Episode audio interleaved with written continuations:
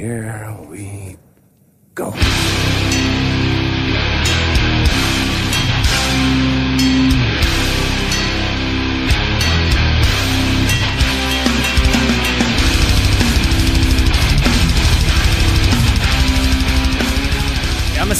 Nere på noll, avsnitt 120. Jag, Robin Lindblad, sitter här med Danne Nätterdal, Kan du ge dig fan på? David Olsson Tja!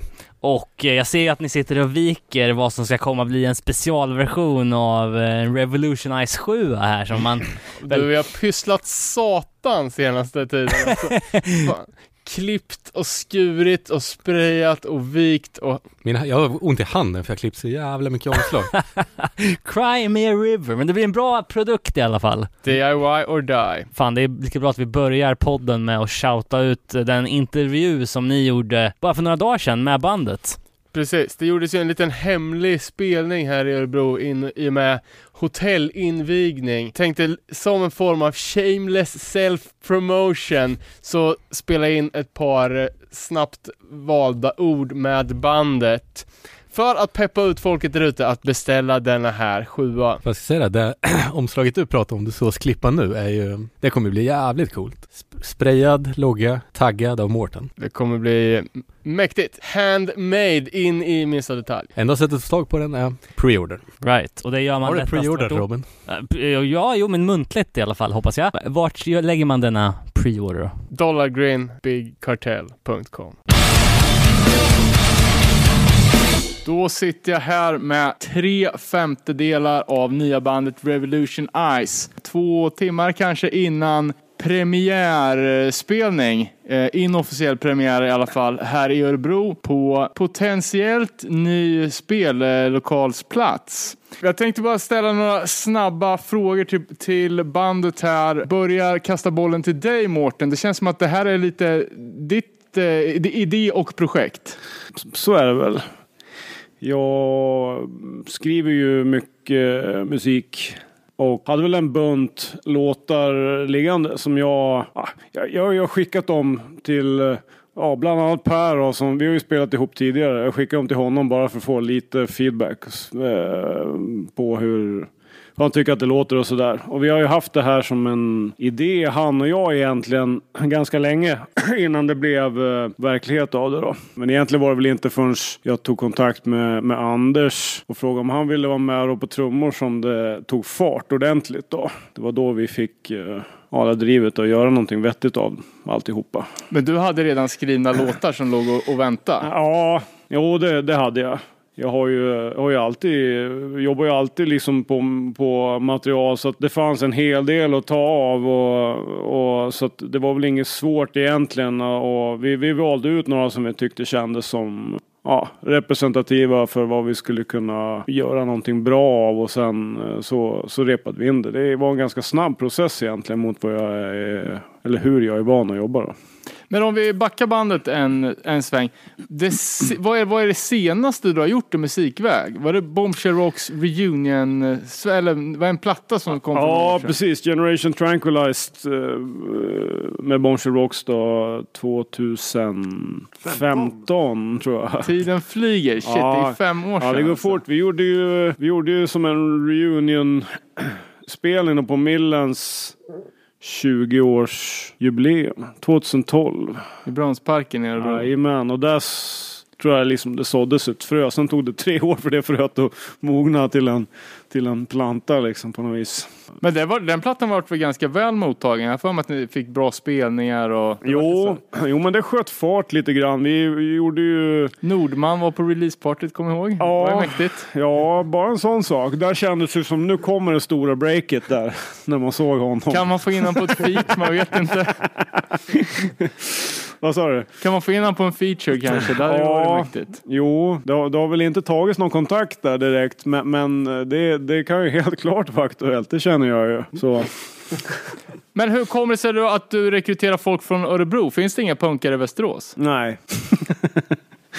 Jo, det gör det väl. Jag vet inte. Jag, jag, jag hänger inte så mycket med, med folk från Västerås sådär. Jag umgås inte direkt med folk där. Så det var väl egentligen det ena gav det andra. Jag hade som sagt börjat bolla det här med, med Per. Det var nog redan innan jag flyttade till Västerås tror jag. Och du Per spelade ju tillsammans med Mårten i Radio Brigade innan det. Ja, Fast det var ännu längre sen. Precis. 2006 till 2009, säger årsmannen här. Jag har bra koll på årtal och minnes. här.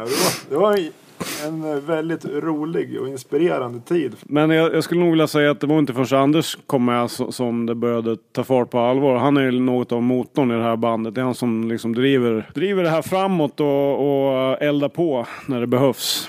Och sen har ju han tagit tag i det här lite grann med, och det var egentligen hans idé om resterande eh, två medlemmar då, förutom vi som är här idag.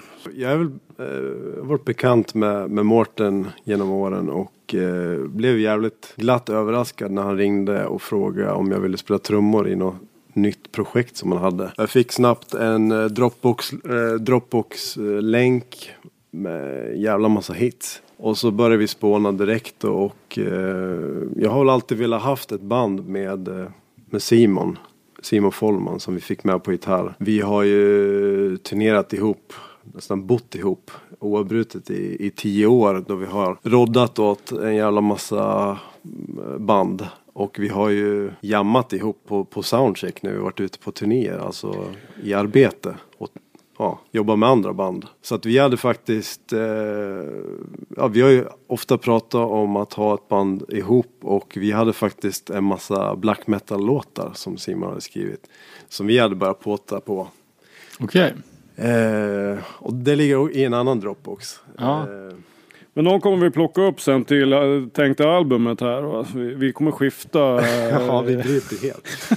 ja, Nej, för det här är ju lite annorlunda. Alltså, Anders, du har ju lirat med alltså, Dead Reprise, Akani, Prison Right, ofta spela hårdare. Hur känns det att spela punktrummor nu då? Ja, men jag tänkte komma till det. det. Det kändes jävligt fräscht med de här låtarna. Eh, har ju alltid eh, själv skrivit väldigt eh, hård hardcore. Och eh, har aldrig haft ett, har aldrig varit med i ett band där det har varit vanlig sång om man säger. Det har alltid varit eh, skriksång. Och det älskar man ju såklart. Men det, det kändes jävligt kul att göra något helt annat faktiskt den här gången. Men Mårten, vad har du haft för, för tänk och inspiration när du har skrivit de här låtarna?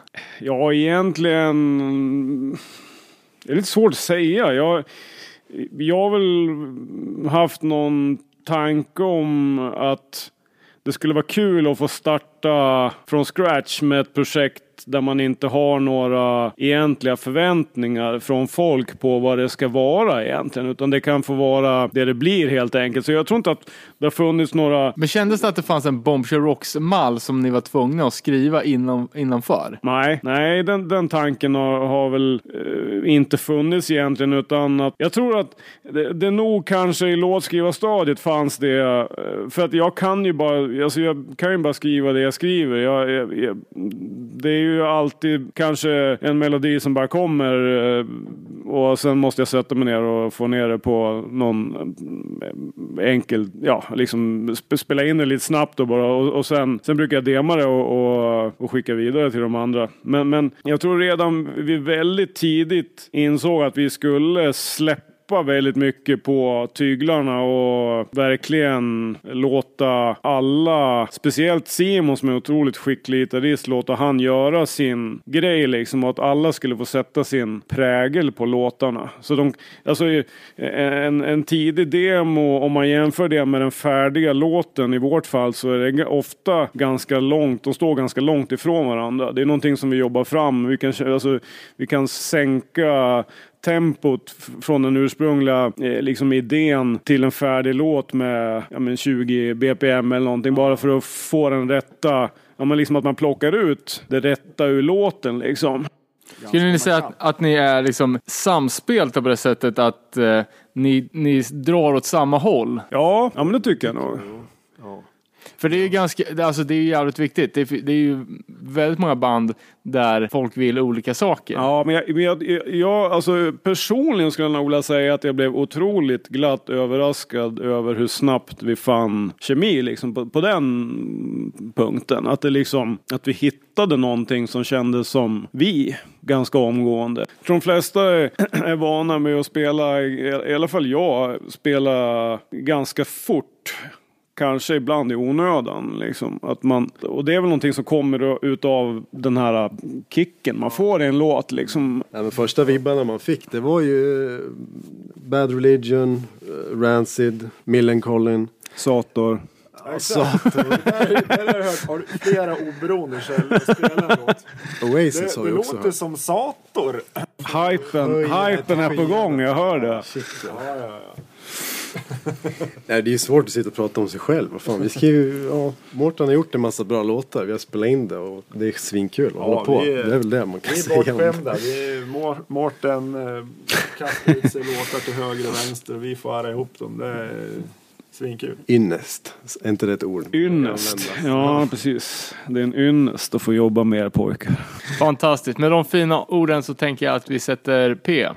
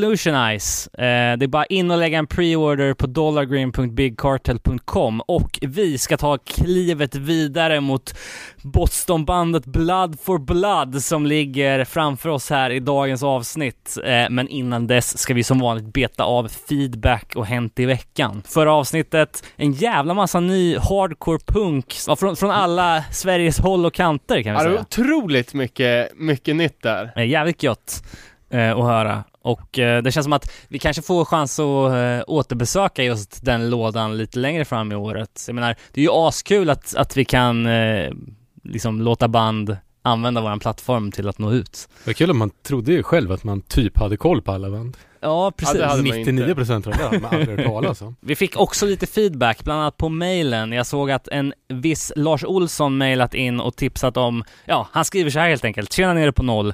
Tack för en grym podcast. Jag vet inte om ni har sett End on End, en ny podcast som ämnar gå igenom hela Discords katalog med ett långt avsnitt per släpp. Snacket i början när de går igenom låtarna kan man skippa, men intervjuerna är grymma. I första avsnittet snackar de med Nathan, sångaren i Teen Idols. Ett måste för alla kalenderbitare, Mvh Lars. Shit, ja det var ju en jävla fin eh, surprise. Gjorde inte någon det med Epitaph också? Jo. Coolt koncept. Eh, end on får the ta på end. sig det alltså. med Victory också. Ja, precis. med alla bolag. det var det på feedbackfronten på mailen i alla fall. Eh, någon sa till oss att eh, Michael Graves visst ska spela i Sverige. Alltså, Eh, kan varit den svenska bokaren. Det verkar vara av två datum som varit cancellerat.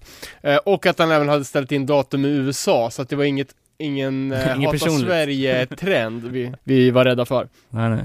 Sen var det ett jävla tryck inför det här avsnittet när eh, lyssnarna skulle rösta fram vad vi skulle göra för specialare. Vi fick 95 kommentarer med olika förslag eh, och jag tycker att fan de flesta var ju riktigt bra som man hade velat gjort någonting med. Eh, det var ju tre band som var solklass, eh, eller vad heter det, solklar i ledning där. Eh, och det var ju förutom Blood for Blood, Rancid, vilket vi har lovat att göra under året. Eh, och även Anticimex som vi har pratat om ett jävla tag. Ja, där krävs det ju dock att vi har en riktig Anticimex-konnässör med oss i studion för att det ska bli autentiskt. ja men verkligen. Vi är inte tillräckligt stora Anticimex-nördar för att ska, vi ska komma undan med heden i behåll, utan vi måste intervjua någon som är galore Ja, exakt. Anticimex-head. Hänt i veckan då? Nu har jag, har jag ingenting mer på det här än en enda mening, men ni kanske vet. 108 till Sverige. Jag såg också det, men jag- man såg aldrig några datum eller något. Ja, jag har det missat var, det liksom. helt. Vad... Nej, just det, de la upp på Instagram typ Scandinavia, we're coming typ. Fan. Något, något i den stilen. Eh, och och 108 specialen som gjorde för inte allt så länge sedan vart eh, jävligt uppskattad och eh, kul. Ja, Så att det finns ju mycket kärlek för det här bandet där ute och eh, de är ju feta live så att det, det kan ju bli svinfett. Eh. Nästa då från Instagram. Marauder lägger ner igen? Frågetecken. De la upp en post med permanently closed Aha. som eh, enda text. Jag vet inte, jag trodde Marauder re- redan hade lagt ner. Ja, jag med. Men eh, tydligen inte då. Eller ja, Det är, jag, är- jag är inte säker på att det är en helt eh, oåterkallelig claim heller. men det här var på deras Det känns- officiella konto eller? Ja. Okej. Som att de är på den nivån så de gör ingenting förutom att spela live. Nej. När de får Nej, bra, bra grejer. Ja. Eller så kanske de är trötta på att få frågan om när det ska komma en ny platta så de bara Hur många tror we're du closed. frågar det? Ja, jag brukar, jag har ett skript Jag brukar som skickar, skickar en fråga i veckan. Fan, är det inte 80 miljoner Fan man skulle kunna blåsa upp någons ego och skicka jävligt mycket sådana. från olika konton? Ja.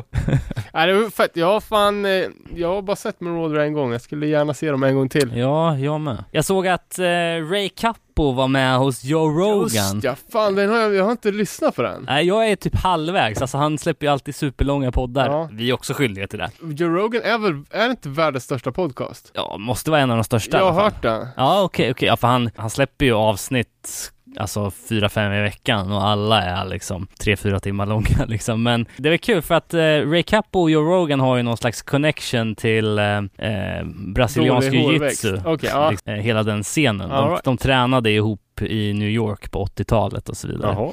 Eh, och sparrades och... Jag har aldrig sett det. Är Joe Rogan nice eller? Han känns så jävla amerikansk, lite såhär bufflig typ. Ja, alltså jag skulle säga att Alltså han är, han är problematisk.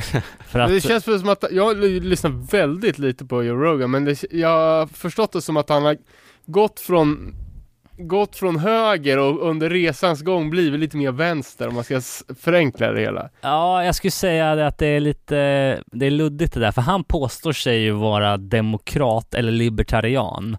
Vilket innebär att man röstar utanför, man röstar inte på Demokraterna, man röstar inte på Republikanerna utan på ja, Libertarians eller så. Men eh, Han säger att han ska rösta på Bernie nu, samtidigt så ger han folk som Jordan Peterson, Alex. Jones, alltså så här mycket så här du vet bro science snubbar liksom som inte har Okej. eh, som, som hävdar att saker är på ett jävligt högeraktigt sätt utan att ha något så här större belägg för det. Jag tycker att han är sjukt problematisk, men han har också sjukt många intressanta gäster. John Joseph har varit där, eller hur? John Joseph, alltså vilka mer har varit där? Alltså han har ju haft jävligt mycket Blink 182. Travis killen. Barker, ja exakt. Ehm, Och ja, det han den andra också med Aliens. ja, Tom precis. heter han. To- eh, Tom DeLong, ja exakt. Tror, ni- tror ni Toby Moore är jävligt sugen på att vara med eller? Han är sugen. Så in i helvete vad sugen han är. Oavsett, det var intressant. De snackar mycket om eh, yoga och eh, eh, goa grejer. Hare Krishna och, och sånt. Ja, det lär man ju lär man höra. Har jag, har jag sagt att jag har tagit tillbaka min, min uh, utskrattning av Toby Moores podcast eller? För det, det, jag har, det har upprättats lite i, i min bok. Det var sen Lord Ezek var Ja, med. jag vet inte men eh, det var ju, alltså när han, när han freestyle-rappade introt var ju för mycket för mig. Det var ju första avsnittet men det var fan, Jag såg att Chad Muska var med nu. exakt. Det är kul det där när hardcore-legender gör poddar. Du och jag David satt ju och garvade åt eh, Dan, eller kanske bara jag satt och garvade åt Danny Diablos podcast när de bara sitter och skriker rakt ut i en timme med liksom den mest nerrökta rösten någonsin och sen släpper de den på inspelning. Ja det är fan, det är fan högsta klassens underhållning. Han kan ha någon superbeef med är ju- Ja, precis. Det är kul. Det är kul. Jag såg att då aktuellt, superaktuellt här, eh, coronaviruset eh, har ju börjat ge utslag på inställda turnéer. Green Day var tvungen att ställa in sin Asien-turné just på grund av coronaviruset. Samtidigt då som Malmö Punksen Non Plus turnerar Asien utan problem. Känns som att de här riktiga punkbanden är de sista att ställa in på Ja grund av olika basilskräcker i alla fall. Och Green Day är de första. Ska, ska jag säga ett band då som, som eh, jag kan lova inte har basilskräck och coronafobi. Days and Days. ja, just det. Som tillsammans med Satanic Surfers är de sista två banden till Punk in Drublic Malmö. Jävligt fett. Jag såg det och jag köpte biljetten direkt. Eh, jag såg ett YouTube-klipp med Days and Days. Eh, jag har aldrig fattat att de spelar på en sån här badbalja och en eh, och tvättlinebas. Nej, det är ascoolt ju. Fattar du hur fan får man ljud i det? ja, verkligen. Det ska bli kul att se. Kul att de kommer till Sverige också, för jag tänkte att först hade de ju bara annonserats till Europa-datumen liksom. Mm. Eh, eller ja, ute i Tyskland och England och sådär. Men eh, Fett jobbigt att och, eh, turnera med den utrustningen. Känns som att det är bökigare att släppa runt på en tvättbalja än en, en vanlig jävla bas. Men men, ja, eh, Danzig, han fortsätter ju lajva. Tydligen så hade Elvis eh, någon så här tid, tidigt i sin karriär så var det ett kännetecken när Elvis spelade live att det var så här ganska små liksom cozy spel spelningar. Och, och Danzig har då i samband med releasen av Danzig Sings Elvis bokat två så här små klubbar som man ska göra. Och vad är, vad är de första rad... snacka om skönmålning av att inte kunna sälja ut det. Ja, verkligen. Och det är så jävla väntat att pressreleasen inleds med The long awaited Danzig Sings Elvis album will be released on April 17. Det är do, fan dock lite pettat på det. Lägg av! Det känns som man skulle, jag har inte lyssnat jättemycket på Elvis men det känns som man skulle kunna sjunga det ganska cool. Om man hade någon producent med sig som sa åt honom vad han skulle göra. Han får ju inte ta några beslut själv. Han som har producerat nya Johnny Cash-skivorna, eller senaste. Han borde ju... Rick Rubin. Ja. Ja, faktiskt. Ja exakt. Var, var släpper Danzig sina nya grejer? Eget bolag förstås. Eh, ja, Han är inte kvar på American. nej, Evil Live. Evil eller vad heter det? Herregud. Ja, Sveriges bästa aktiva hardcoreband då. Existence. Nu även med en internationell karriär på Londonbaserade Quality Control Records sen, sen start egentligen.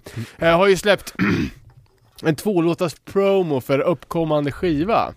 Just det. Eh, och vi spekulerade lite när de hade, eh, de beskrev ju i förra avsnittet att de hade utvecklats musikaliskt. Vi var rädda på att blir det Iron Maiden. blir det high power av alltihopa? Kan lugna eventuella oroliga att det låter ju svinbra och som man vill att det ska låta.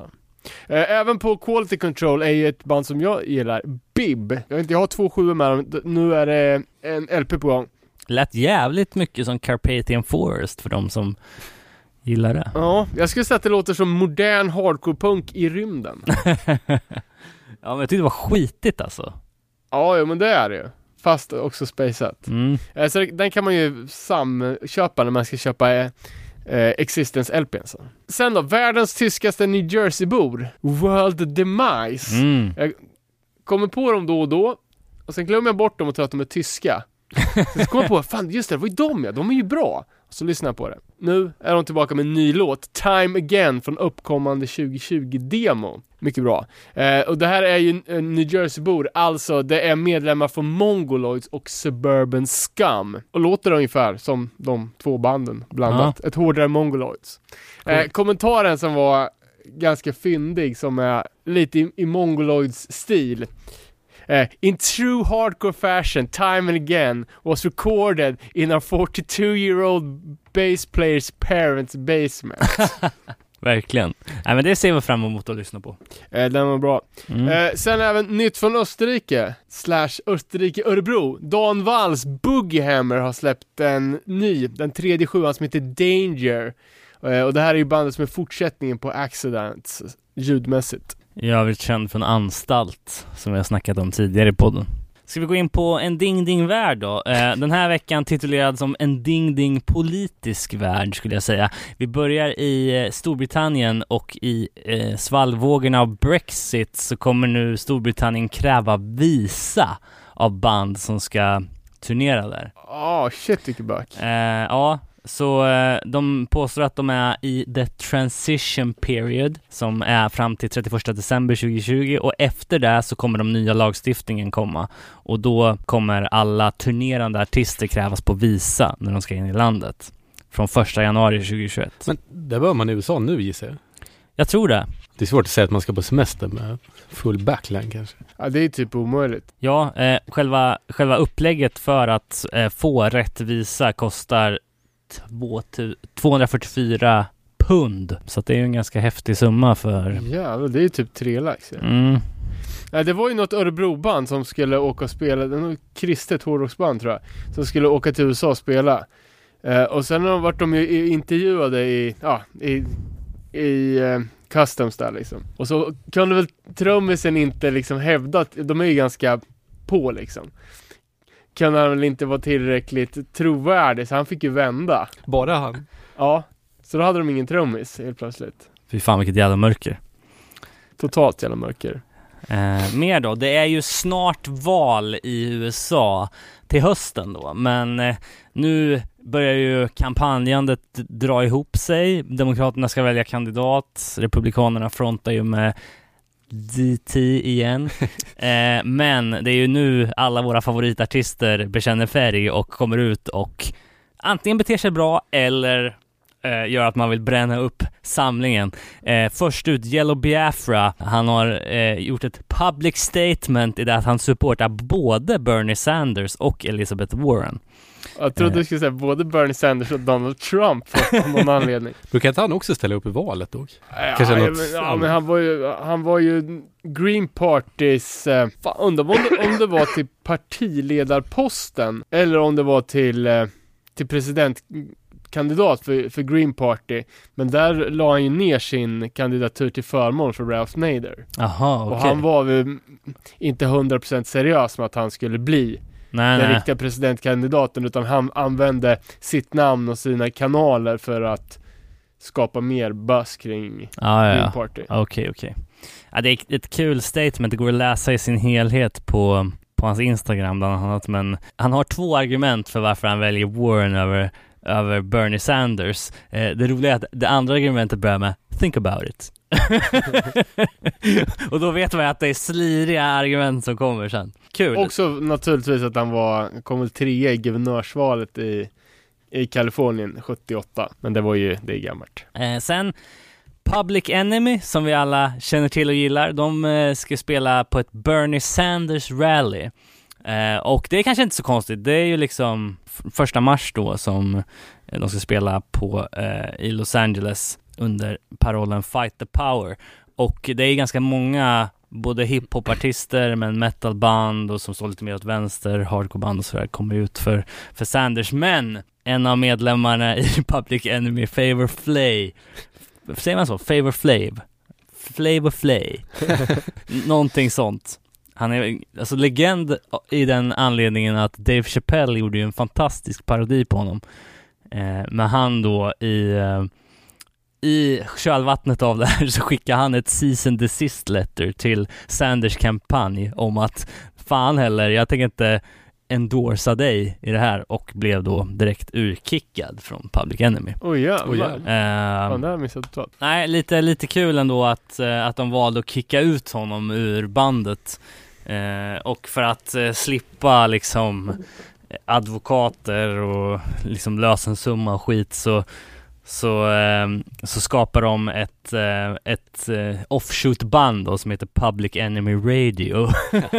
Men som då ska spela utan att de ska behöva vara tvungna att betala pengar till Flavor Flav. Eh, Fan ja, vad sneaky. så kan det vara, så kan det vara. Våran kompis Mark Strömberg, aka Mark UÅ, har ju släppt inte bara en eh, tape utan även fyra burkar läsk sen vi snackade Just sist. fan. Och du har ju läsktestat. Jag har samplat två av dem. De här ligger ju då exklusivt på Bastard Burgers just nu, men man får väl fan hoppas att de kommer ut i handeln också, för ett, de är assnygga.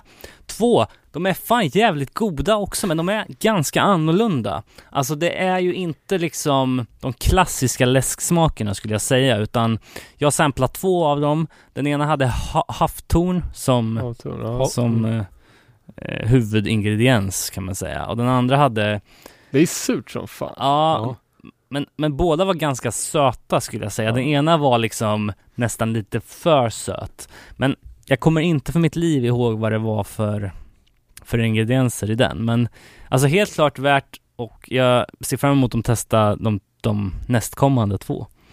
Eh, det är kul att det görs ny läsk liksom. Man älskar ju det. Eh, och tejpen Horus Torus kommer ju släppas i USA och distras av eh, Discord Records. Och jävlar. Tidigare nämnda Discord, så att eh, det blir ju mäktigt. Kanske blir ett av de här podcastavsnitten i One on One, eller vad heter det? Ja, verkligen. Men Mark hade bytt namn på sitt projekt Swansex till Mark UH bara, eller?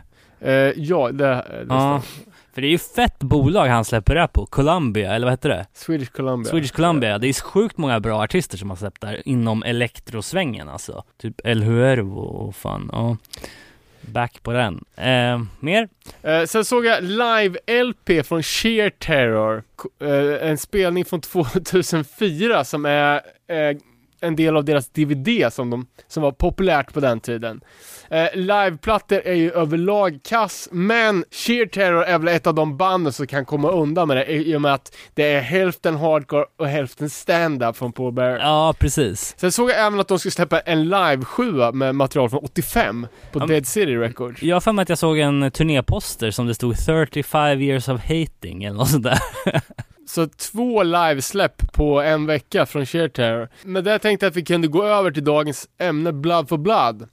För Sheer Terror är ju nämligen deras number one source of in- inspiration. White trash, hardcore, rock and roll, fuck you! Huh. Come on!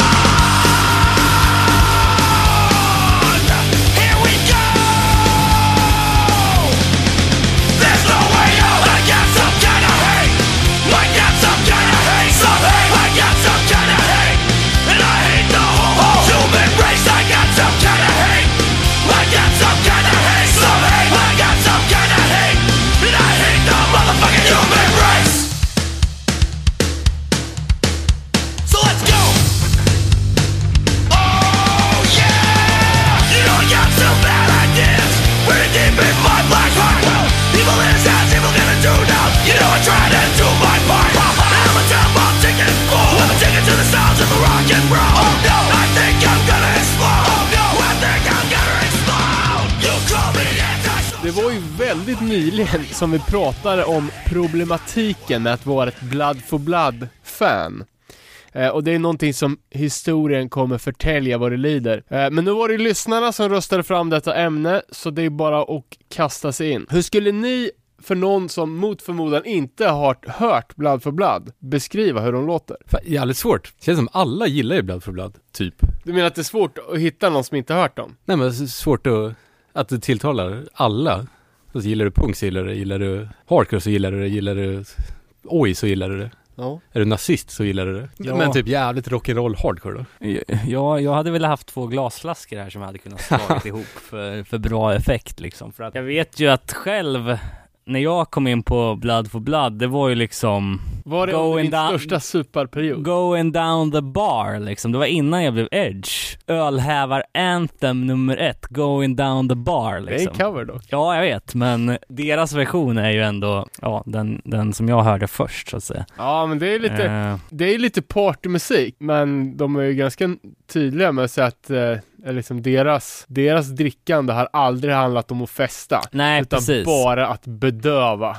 Och jag menar, i, i, Men hur skulle du beskriva det? Ja men ja, som jag sa inledningsvis, inspirerade av sheer terror och tyngre hardcore-band. Men det är ju det är hårt utan att bli metalliskt. Och sen är det ju liksom, Men är det inte jävligt punkigt också? Jo det blev ju det Eller sen. rock. Det blev ju, efter halva resan så vart det ju mer punkinfluerat. mm, Men det är ju en, det är det ultimata soundtracket för underdogs. Och det är ju allsångs ja men det är punk, så här, det är eller som, allsångs hardcore deluxe. Nej, och de har ju ett ganska smalt urval av låtteman. Och det är ju utanförskap, självhat, våld, klassmotsättningar, alkoholism. Så det är ju, det är ganska mörka teman de, de håller sig till.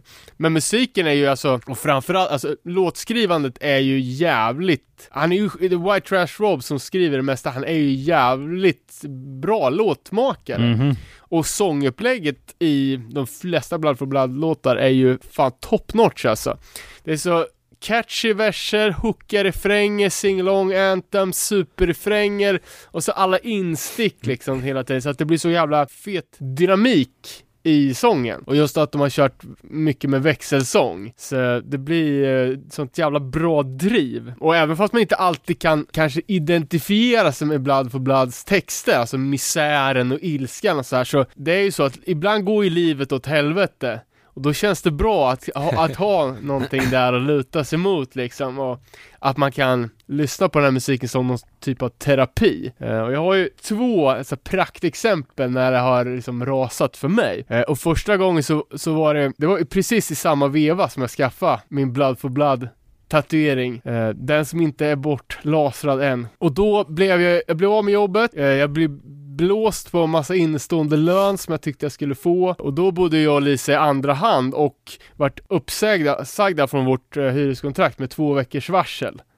Så liksom på två veckor, så, eller typ på, ja, på en månad kanske, så hade jag liksom ingen jobb och inget hem fy fan. och inga pengar. Och då var det ju liksom det naturliga att ta sista sparpengarna och köra blood for blood tatuering. Och andra gången det, det körde ihop sig rejält, det var ju när, när jag fick kicken från ett jävla toppenjobb som jag hade då. Det var ju sju år sedan. Och det första jag gjorde då var ju att vi drog igång med den här podden. Mm, Och vi startade Dollar Grin. mm. Det gjorde vi ju sam- precis samtidigt. Men har ni några personliga relationer till Blood for Blood, annat än partymusiken? Du då David? Jag var jävligt inne på det ett tag. Jag har inte lyssnat på det jättemycket på sista tio åren kanske. Jag hörde ju fan Living in Exile först. Den är ju fan jävligt bra alltså. Ja, jag tycker den- är sjukt bra. Det är mitten, mittenplattan. Det är så jävla bra att den inte är fullängd tycker jag. Den är lagom längd. Ja, jag, jag, tror, jag tror jag kom in på, eller jag vet att jag kom in på Blood for Blood någon gång precis i början när de låg på Victor. Jag, jag vet inte om jag hörde singeln först eller om jag hörde Revenge on Society eller om jag hörde låt från Victory Style nummer, vad det nu var, som, som kom i den vevan. Men jag, jag fastnade för dem ganska, ganska omgående. Eh, och sen kom ju, alltså det var ganska tätt mellan skivorna. Mm. Och det gick ganska fort att bli liksom ett superfan. För mig tror jag att det som alltid har appellerat till Blood for Blood, det är just det här att någon kommer och säger åt en hur man är och man bara ja, fuck you liksom. Och det tycker jag ändå är så jävla tydligt i hans textförfattande också, att det nästan är som ett svar på någon jävel som kommer och snacka skit och bara ja men fuck you, jag är som jag är, du kan dra åt helvete liksom. Nej men äv- även fast man inte liksom lever i rännstenen och har en heroinspruta i ena armen och en pistol i den andra och ska skjuta sig själv så kan man ju, så identifiera man sig ändå som en underdog. Verkligen. Och jag har ju liksom, Och, men de var ju också jättestora ett tag. Alla har ju en relation till Blood for Blood. Ja. Det går ju inte att missa om du, det går fan inte att ha missat. nej, om det, om Och det, jag tror nå- fan alla folk som säger att de inte gillar dem ljuger ju typ. om det är någon som lyssnar på den här podden som inte har hört Blood for Blood så kan de ju Hör av sig så, men jag tror också att det, det går inte att missa. Men det kan ju vara en generationsgrej, alltså fan det är ju länge sedan, de har ju inte varit aktiva på 10 år, relevanta på 15 år, så att, och, sen, eller fan nästan 20 år sedan ju. och takt med att tiden går och man, kontroverser kommer upp, bandet blir mindre och mindre okej, Ja. desto mer håller man fast i sin egen kärlek till dem på något konstigt sätt, i alla fall jag, för att många andra band har man ju inga problem med att avfyra Nej, nej, nej Eh, precis, liksom direkt. precis, precis som Vi- vi, den snackade om det nyligen. Ja, nej men oaktat detta då, alla har ju någon form av personlig relation till det här bandet. Det var ju fint, Bulan skrev in eh, så här. Eh, mitt liv innan jag blev nykter var kantat av våld, missbruk och hat. Sökte mig till konstellationer där våld, hat och alkohol var inblandat, bland annat extremhögern. Allt för att söka en tillhörighet, att vara någon som inte bara var en i mängden. Men jag hoppade av högen, högern redan efter ett par år då jag tyckte alla var mesar som inte vågade stå för sina åsikter alltid. Men kort därefter så ändrades även mina egna åsikter då jag började umgås med en barndomsvän som var helt tvärt emot hur jag såg världen. Han var en hiphoppare som enbart umgicks med invandrare och idag så står jag så långt från högern som det bara går. Blood for Blood spelades väldigt ofta där hemma när det var dags att ladda upp för utgång som 99 gånger av 100 slutade i en fight. Jag tycker deras texter är vettiga som fan och jag relaterade väldigt mycket till dem. Utanförskap, aggressivitet och mörka grejer. Ett av mina absoluta favoritband och det som Buddha sysslat med kan inte bandet stå för. Han är ett jävla svin som förtjänar en kula. Vad kom, vad, när det gäller live-gigs så har jag missat dem totalt. Jag tror att det, det är också någonting som funkar har gjort att Blood for Blood har funkat i alla kretsar liksom, för de har, säga vad man vill, men texterna är jävligt, man, går, man blir jävligt igång på dem liksom. Eh, det, vet, det vet ju vi, vad är det vi alltid spelar på väg hem från gigs? Ja det är Blood for Blood, för att man är eh, hypad liksom. Och det är nästa, jag tror att just, vi kommer säkert gå in på texterna men det känns ju också som att det är på riktigt här. Ja, exakt. Det blir ju jävligt lätt pajigt om du ska hålla på. Precis, och det, det känns som att de är typ 30 pers i studion som bara såhär Ja, man huligan-style skulle vilja liksom. vara med där alltså. Fint att läsa den här historien som ändå tog en ljus vändning, får man säga. Men jag har alltid fått intrycket att även folk som är Edge gillar Blood for Blood. Ja, men jag har också sett lite olika så här straight edge, combo, blood for blood tatueringar. Ja, Så eh, det är klart, alla gillar blood for blood.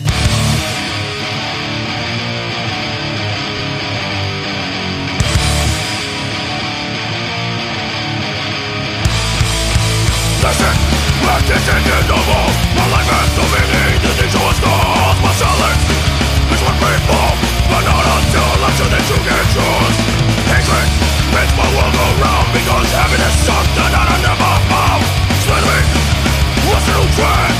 Because we can't stop the hatred and violence Making a difference, cause that's what seems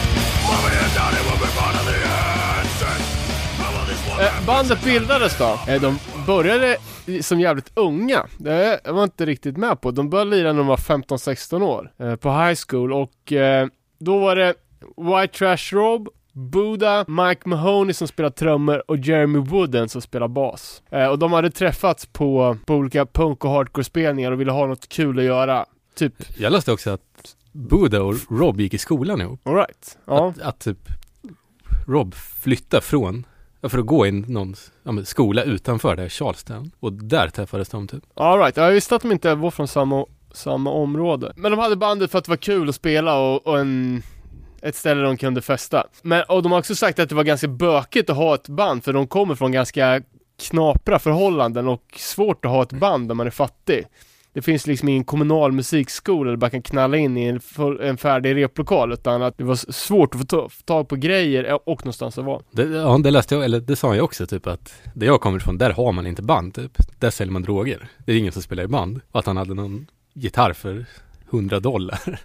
Mm. Och att de inte kunde spela heller riktigt. Det- när de väl kom igång med bandet så var de typ maniska och repade 3-5 gånger i veckan och Eh, att de verkligen älskar att göra det. Eh, och det verkar väl vara en av de få grejerna som, som skänkte dem lite, lite ljus i tillvaron. White Trash Rob då som är, eller Rob Lind som, som han hette, är hjärnan i, i bandet. Vilket var en jävligt trasig själ. Berättade att han började dricka när han var 11 år och redan när han var 12 år så förstod han att han var alkoholist.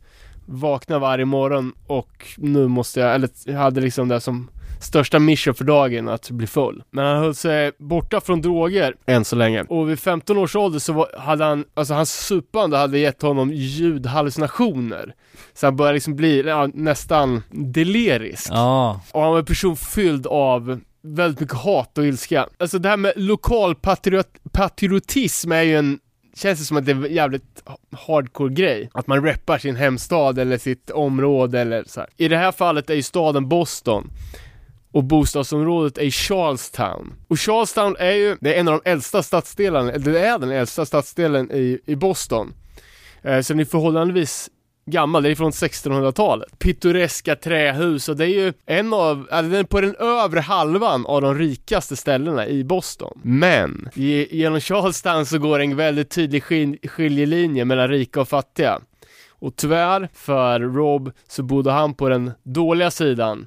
The Bunker Hill Housing Projects som är ett eh, komplex av olika tegelfyrkanter uppförda på 40-talet som är, ja, det, ser, det ser inte speciellt pittoreskt ut på den sidan. Eh, visst är de som bor där är ju katolska irländare uteslutande. Jag ska komma till det. Eh, och eh, Charlestown har, precis skildrats i eh, det postapokalyptiska spelet Fallout 4. om man ska ha en mer nyanserad, eller inte nyanserad bild, men där är ju allt sönderskjutet. Men man kan kolla på filmen The Town från 2010, regisserad av Ben Affleck, som kröner då Charlestown till the bank robbery capital of the world. Kanske- Jag läste att personerna i filmen är baserade på kompisar till Rob och eh, hans brorsa. Mark. Ja, vad fan, eh, om man ska ha någon musikalisk referens där så spelar ju Slain en av rollerna. Slain som brukar, Ja, han är också från Charlestown.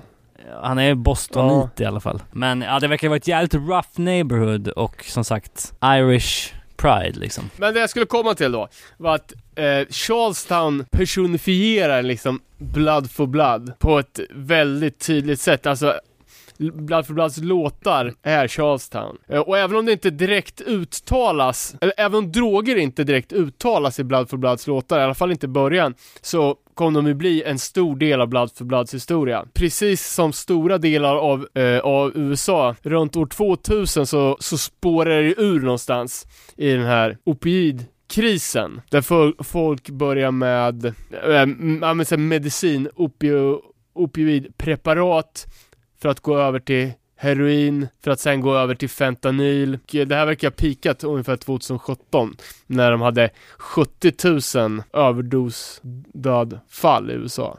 Dödsfall. Och 73% av dem är fentanyl-relaterade. Eh, och de pratar ju extremt mycket om det här i intervjuer, liksom hur liksom drogerna, och speciellt heroinet på den tiden, då var så stor del av Charlestown. Hur ungdomarna liksom ido- idoliserade knarkarna. De, de coolaste i plugget var inte fotbollslaget, utan det var de som knarkade mest. Eh, och som du sa David, eh, att det är ett irländskt katolskt ställe, har också väldigt mycket avtryck i Blood for Bloods texter. Det pratas, ja men det är många liksom kristna referenser och det pratas väldigt mycket om bön.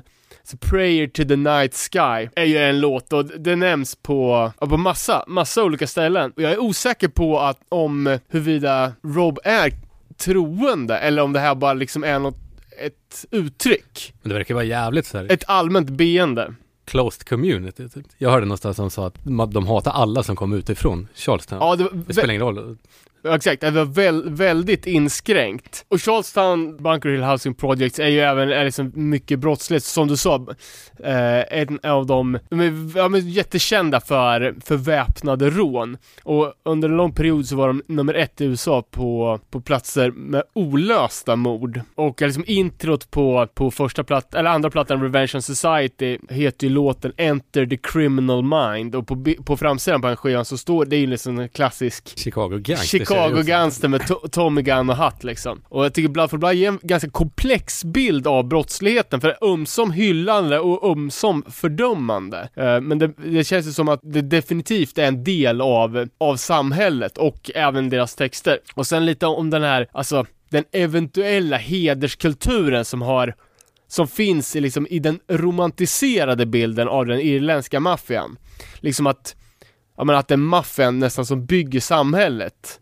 Liksom Don Corleone stuket liksom. Men det beskrivs också att det har liksom gått, ja, från 70-talet när, när de tunga drogerna kom in så, så har det liksom blivit att den organiserade kriminalitetens roll har spelats ut utan nu är det mer att pundare bryter för att få pengar till heroin Mm. och att det inte finns någon liksom honor among thieves längre. Eh, och sen är det då alkoholismen, otaliga referenser i eh, Blood for Blood texter. I used to drink from the bottle, now the bottle seem to drink from me. Är ju en klassiker. Och likadant liksom, I need to drink and drink to forget the future. Och Rob berättar ju om, om liksom sin uppväxt i Charlton Charlestown att alla, det, det var man gjorde va, sen från, från gammalt till ung, sjuåringar till 60-åringar, alla stod på gathörnen och hängde och söp liksom, och det var det man gjorde. Och sen är det även klassmotsättningen liksom, att det finns rika i närheten och att det blir liksom, ja, the haves versus the have-nots.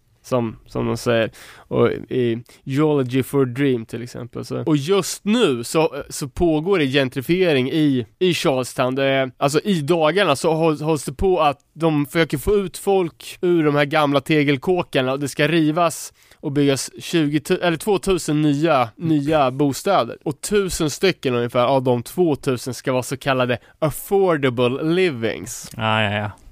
Eh, och de företag som håller på att exploatera liksom säger att ja, jo men Självklart kan alla som bor i Charlestown flytta tillbaka till nya finare, men så är det ju inte. Eh, och Rob berättade om hur det flerfamiljshuset som ägdes av hans farmor, där de bodde i, vart brandbombat av folk som ville ha ut dem för kvarteret för att kunna bygga nytt och fräscht. Ja, ja, okej. När de eh, vägrade att sälja. Ja, det är ju hemskt det. Man har förstått att det är mycket, mycket svårare att behålla sin bostad i USA. Alltså så här. Ja, det finns ju ingen besittningsrätt Nej, har här. exakt. Också så här typ så jävla många gånger man har hört om så här, ja vi- ska bygga landsväg här, vi löser ut det för 150. Bara, ja men det är mitt föräldrahus liksom. Bara, ja men då kommer vi tillbaka om tre månader och så erbjuder vi dig 90 istället liksom. Ja. Då måste du ta det. Men eh, jag antar att det var, om det är på väg att gentrifieras nu så var det lite mer rough när, när de växte upp där då. Fan, Man var lite nyfiken på hans föräldrar. Men också jävligt svårt att hitta info om. Ja, jag vet jag, vet inte, jag har inte. riktigt sett alla de här nodcastsen om de pratar om det. Men hans brorsa verkar ju jävligt mer uppstyrd. Han sa att han inte, att han inte drack när han var barn och typ att han var lite försiktig och Ja, ja, han har ju beskrivit sin, sin brorsa som en dåre. typ. Nej men som praktexempel på att alla hedliga människor är inte as utan att det finns folk som kan ha en familj och ett hus och köra en laglig bil utan att vara liksom yuppies.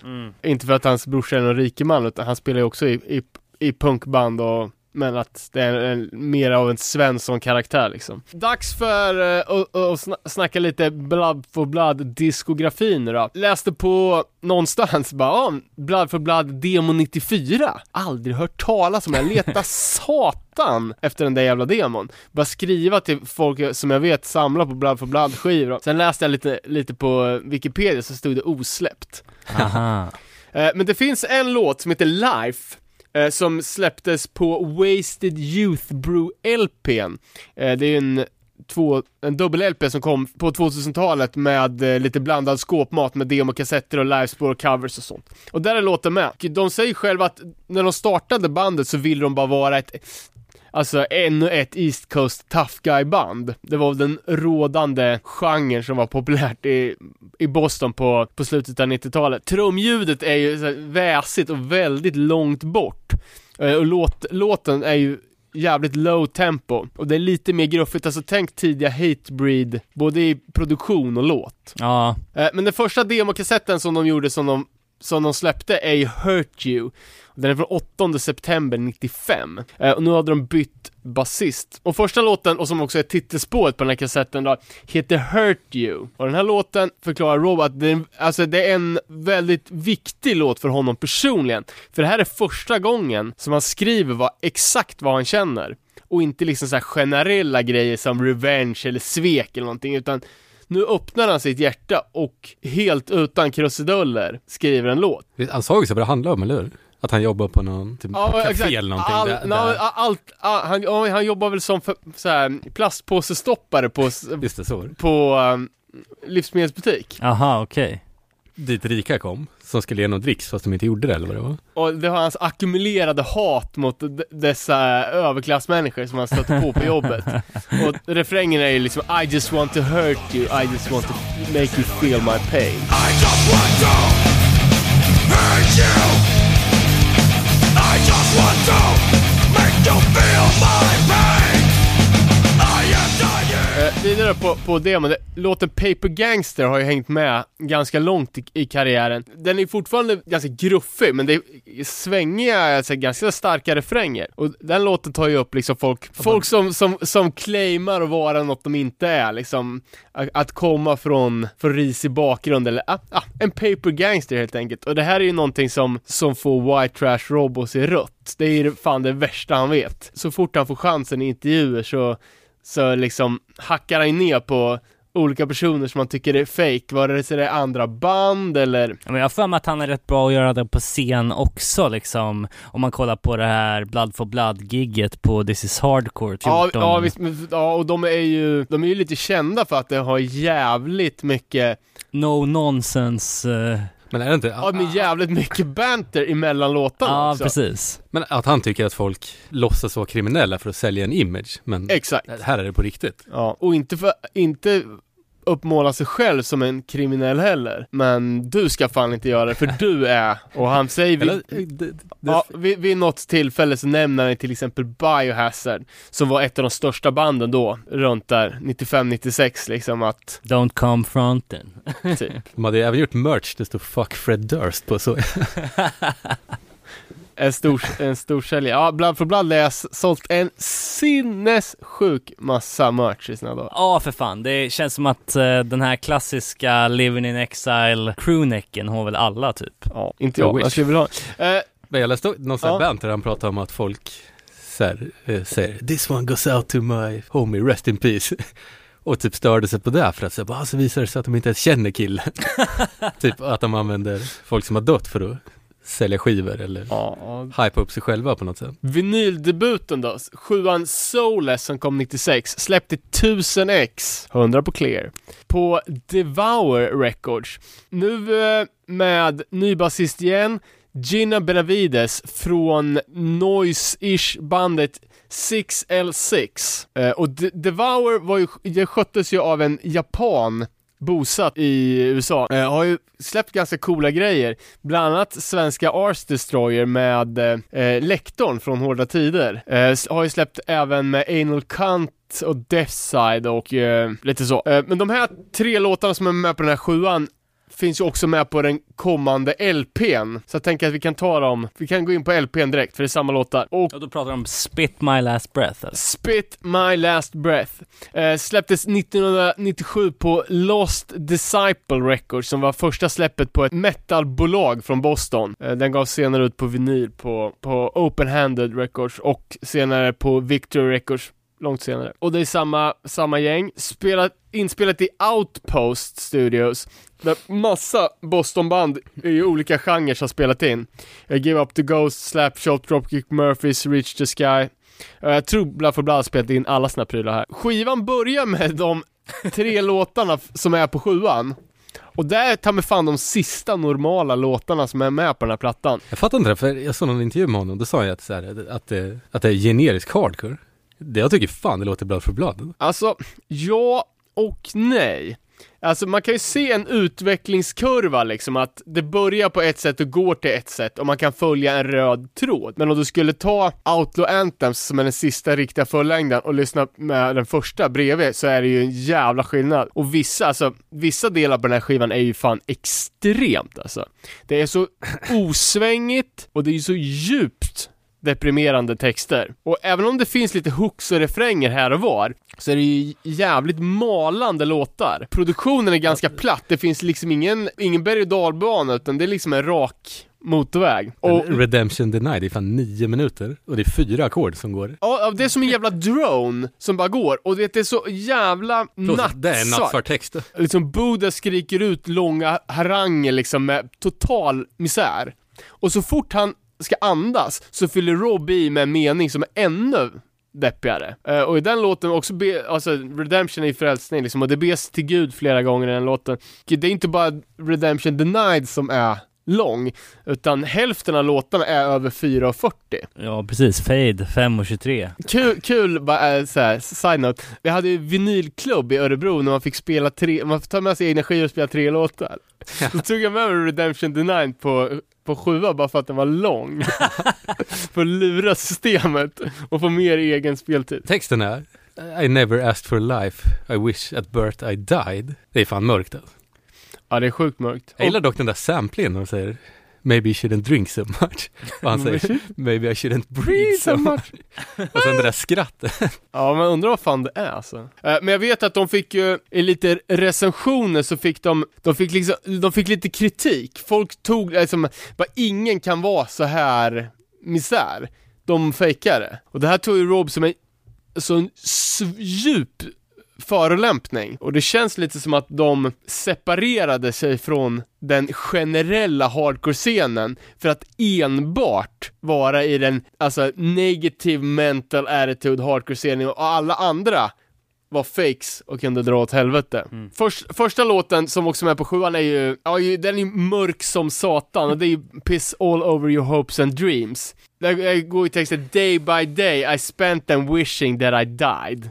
Uh, och det fanns ju alltså andra band med e-, extremt mörka texter, till exempel Neglect. Men jag skulle säga att det liksom, om man lägger till den jävla kompromisslösa musiken så finns det få plattor som kan liksom som kan mäta sig med det här i, i negativitet och kompromisslöshet rent musikaliskt. Det är liksom som att man försöker där, göra den med svårsålda skivan. Och det är väl typ In the Eyes of the Lord kanske? Ja, Ja, ty- typ, men den är ändå mer upptempo. Eh, Andra låten, Maldito, är just till stora delar skriven av Buddha. Eh, med, refer- med refräng på spanska och han är ju äh, latino, men också med katolsk bakgrund. Kommer in på en liten sidospår, eh, hamnar på något sånt här naziforum där, där det diskuteras huruvida man kunde lyssna på Blood for Blood. Och de är så jävla roliga. För då var liksom sj- själva snacket var ju bara för att det var ett ganska gammalt inlägg innan Blood for Blood var liksom världens kändaste band. Men då, då var det så bara, ah, typ, de här Blood for Blood, de är bra som fan, kan man lyssna på dem om man är nationell? Så här. bara, Nej för fan, sångaren är latino, de, de är inte ens, alltså de är inte ens white power. så var det någon bara, ja fast vet du, det finns väldigt mycket fina, vackra människor som är latino. Och så bara, nej det finns det inte alls. Bara, de enda vita människorna kommer från Nordeuropa och Balkan. Och så bara, vadå Balkan? Det är ju hälften muslimer på Balkan. Serber, okej. Och så, så, var, så det var ju som ett gäng icke-vita som höll på och beefade om att de andras liksom, folkgrupp inte var arier, men att de själva var det. Sån jävla cirkus. Maldito också, det var ju... betyder typ dålig eller hur? Jag kommer fan inte ihåg. Jag tänkte bara på, på om du kommer ihåg det här Londonbandet Maldito, det var väl Har inte Band Them Out där också innan? säkert.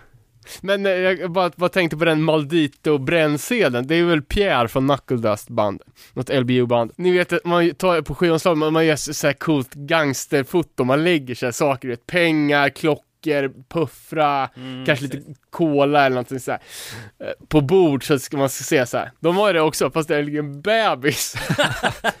Och det är så 0% skämt, utan det är liksom så här maffia. Eh, Spit My Last Breath-låten då igen. Uh, Rob beskriver den här låten som, som jävligt viktig och det, här, det känner man liksom lite på angelägenheten i, i texten. Uh, berättar att låten är baserad på ett övergivet självmordsbrev som han skrev. Att han vill dö, men han vet, han vill inte dö, men han vet inget, inget annat sätt att komma undan smärtan. Men att han mådde bättre efter att han har skrivit den här låten. Men, men ja, och det är ju jävla, alltså som vi sa, det här eh, drone-riffet, Alltså det är så sjukt, det är en sjuk låt. Eh, lite åt sheer terror-hållet. Och han säger eh, att eh, det är den bästa skildringen av bottenlös depression. Och inspirationen på den här tiden var Carnivore, sheer terror, men även suicidal tendencies, How can I laugh tomorrow-eran. Eh, och skivan avslutas med, eh, med några, några låtar från demon. Just det, som de spelar in igen då. Fan osäker på, eller om det bara är bonusmaterial. Okej, okej. Men hur jävla osvängigt det än eh, må verka så började det ta lite fart på bandet och eh, de bara kom ut och gigga lite och jag tror en stor del till att de, att de började få ett rykte om sig var ju att de hade ganska minnesvärda spelningar. Mycket kaos och många spelningar som slutade i fights och upplopp och sånt och att hade man varit på en Blood for Blood spelning så kom man ihåg det man berättade för sina polare och att det, det rullar på. Och de spelar ju Sverige i den här svängen. What? Vart då? Ja, Stockholm. Eh, 97. Jag var inte på spelningen, kände tyvärr inte till den, men Petri var där eh, och skrev att eh, de, de turnerade med Bruisers på Molotov-CDn och då hade Blood for Blood precis signat till Victory, men inte släppt någonting. Eh, Blood for Blood lirade nog bara 15-20 minuter och de fick noll respons. Så Buddha släppte bara micken och gick av. Alla var där för att se Bruisers, förutom jag, Peter Selin och Robban från Between Us. Ja, kanske någon till. Resten var fulla skins. Andra gången de skulle ha lirat var det med All Out War och Eton Concrete. Men då var det någon, jag tror det var Rob, som inte fick utresetillstånd på grund av, på grund av något juridiskt. eh, All Out War ville bara sitta i bussen och röka skit och hälsade knappt, men Eton Concrete var hur, hur nice som helst och vi hängde ute på, på stan hela natten innan spelningen och hade svinkul. Gigget blev dock aldrig av för att Theo Noise det som var deras turnéledare, tyckte att det var för lite folk. Så de drog vidare till nästa stad. Vad fan. Pissigt. Ja, synd att man inte visste om det här alltså. Det hade varit fett. Jag lyssnade ju som sagt inte på, på Blood for Blood innan Victory, men Bruiser så hade jag ju diggat i alla fall. Eh, sen släppte de Enemy 7 Då med den här Redemption Denied som jag spelar på Klubb Svarta Guldet. Två låtar till. Men det är samma version av Redemption Denied eller? För den heter ju annorlunda på sjuan. Ja men de är ju experter på att återanvända låtar och sen vet du, de är, är släpper att ner, så heter den Still, Ja. Ja. eller Once Again, Just eller det. One More Time. Andra Andra LPn då? ja, Revenge on Society. Från 7 april 1998, inspelad på Outpost igen.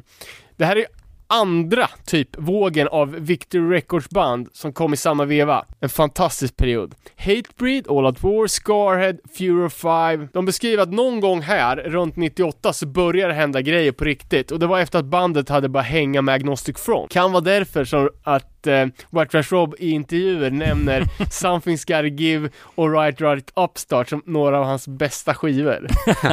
och han har även Civ Set Your Goals som topp 5-platta. Det är Det är otippat. otippat som fan. På basen nu då, Ginna har lämnat bandet. Jag vet inte hur kul det var att vara ensam tjej med det här gänget i de här åren alltså. Men eh, in kommer i alla fall Ian McFarland Som, som, som har gjort en New York Som har gjort- dokumentären. Agnostic Front-dokumentären ja. Ja, men, Ja, ja, exakt. Precis.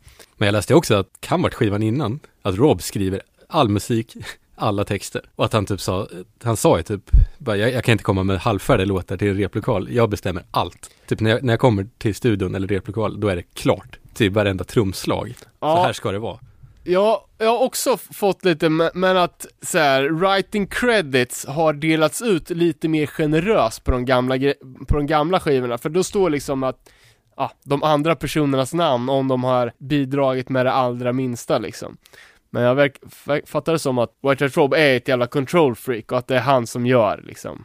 Ja, I den Alles. intervjun sa han typ, det här är min historia att berätta, om jag låter någon annan lägga sig i, då blir det inte som jag vill. Mm. Typ, det här är min grej typ. Därför måste det vara så här. Krävs ju lite att det tar fart för att man ska orka med som övrig bandmedlem kan jag känna. Eller om de andra är någon typ av fyllon som bara, Ja, jag, tror- jag tror Ja. inte de hade så att det mycket, nästan är skönt att få. Ja. Så här ska du spela. Ja, de hade inte så mycket andra alternativ kanske. Nej. Men det är en jävligt eh, tung platta överlag. det är typ min minst favorit Blood for Blood-skiva. Alltså? Tycker det är alldeles för långsamt. alltså. Ja, alltså jag... Det är ju den här, vilken ordning man kommer in på grejer. Jag tycker den är nice. Men öppningstonen, äh, öppningstalet, eh, talet, alltså introt. I turn my back on society when society turned its back on me. Det sätter lite tonen på, på hela grejen för att nu är inte allt vrede vänd inåt, utan nu, han skyller ifrån sig lite helt enkelt, mot samhället liksom. Återigen, en skiva med jävligt långa låtar. Mm. Eller alltså normal låtlängd för riktig musik, men i hardcore-mått mätt enormt långa. Men är det inte långsammare också?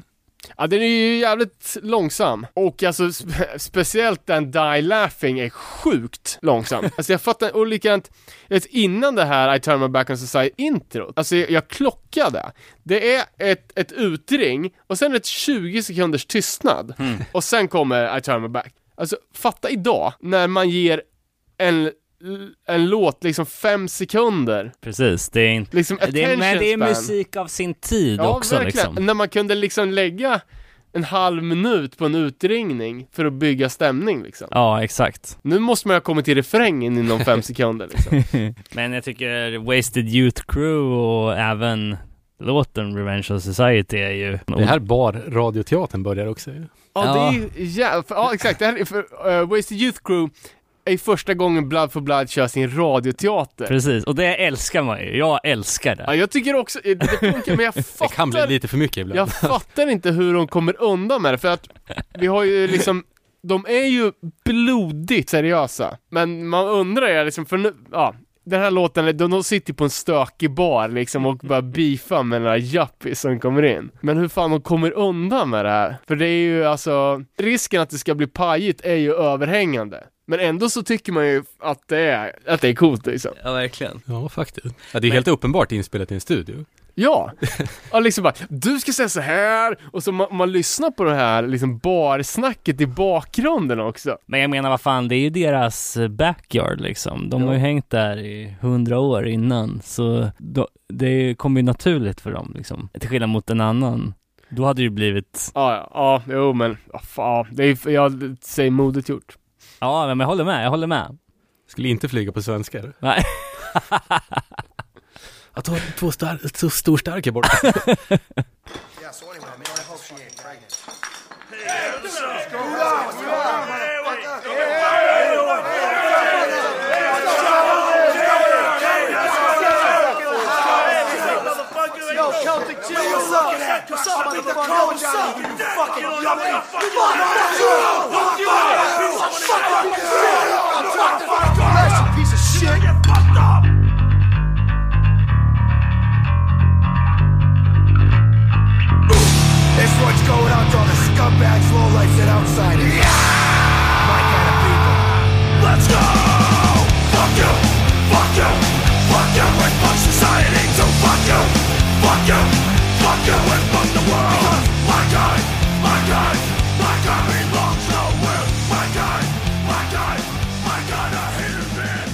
efter att turnera lite och sett saker utanför Boston och mött den publiken som faktiskt uppskattade Spit My Last Spit My Last Spit My Last Breath LPn eh, och, och liksom hade levt igenom samma skit som, som Rob så började han för första gången tänka på oss och inte bara jag Mm. och vara talespersonen för fler.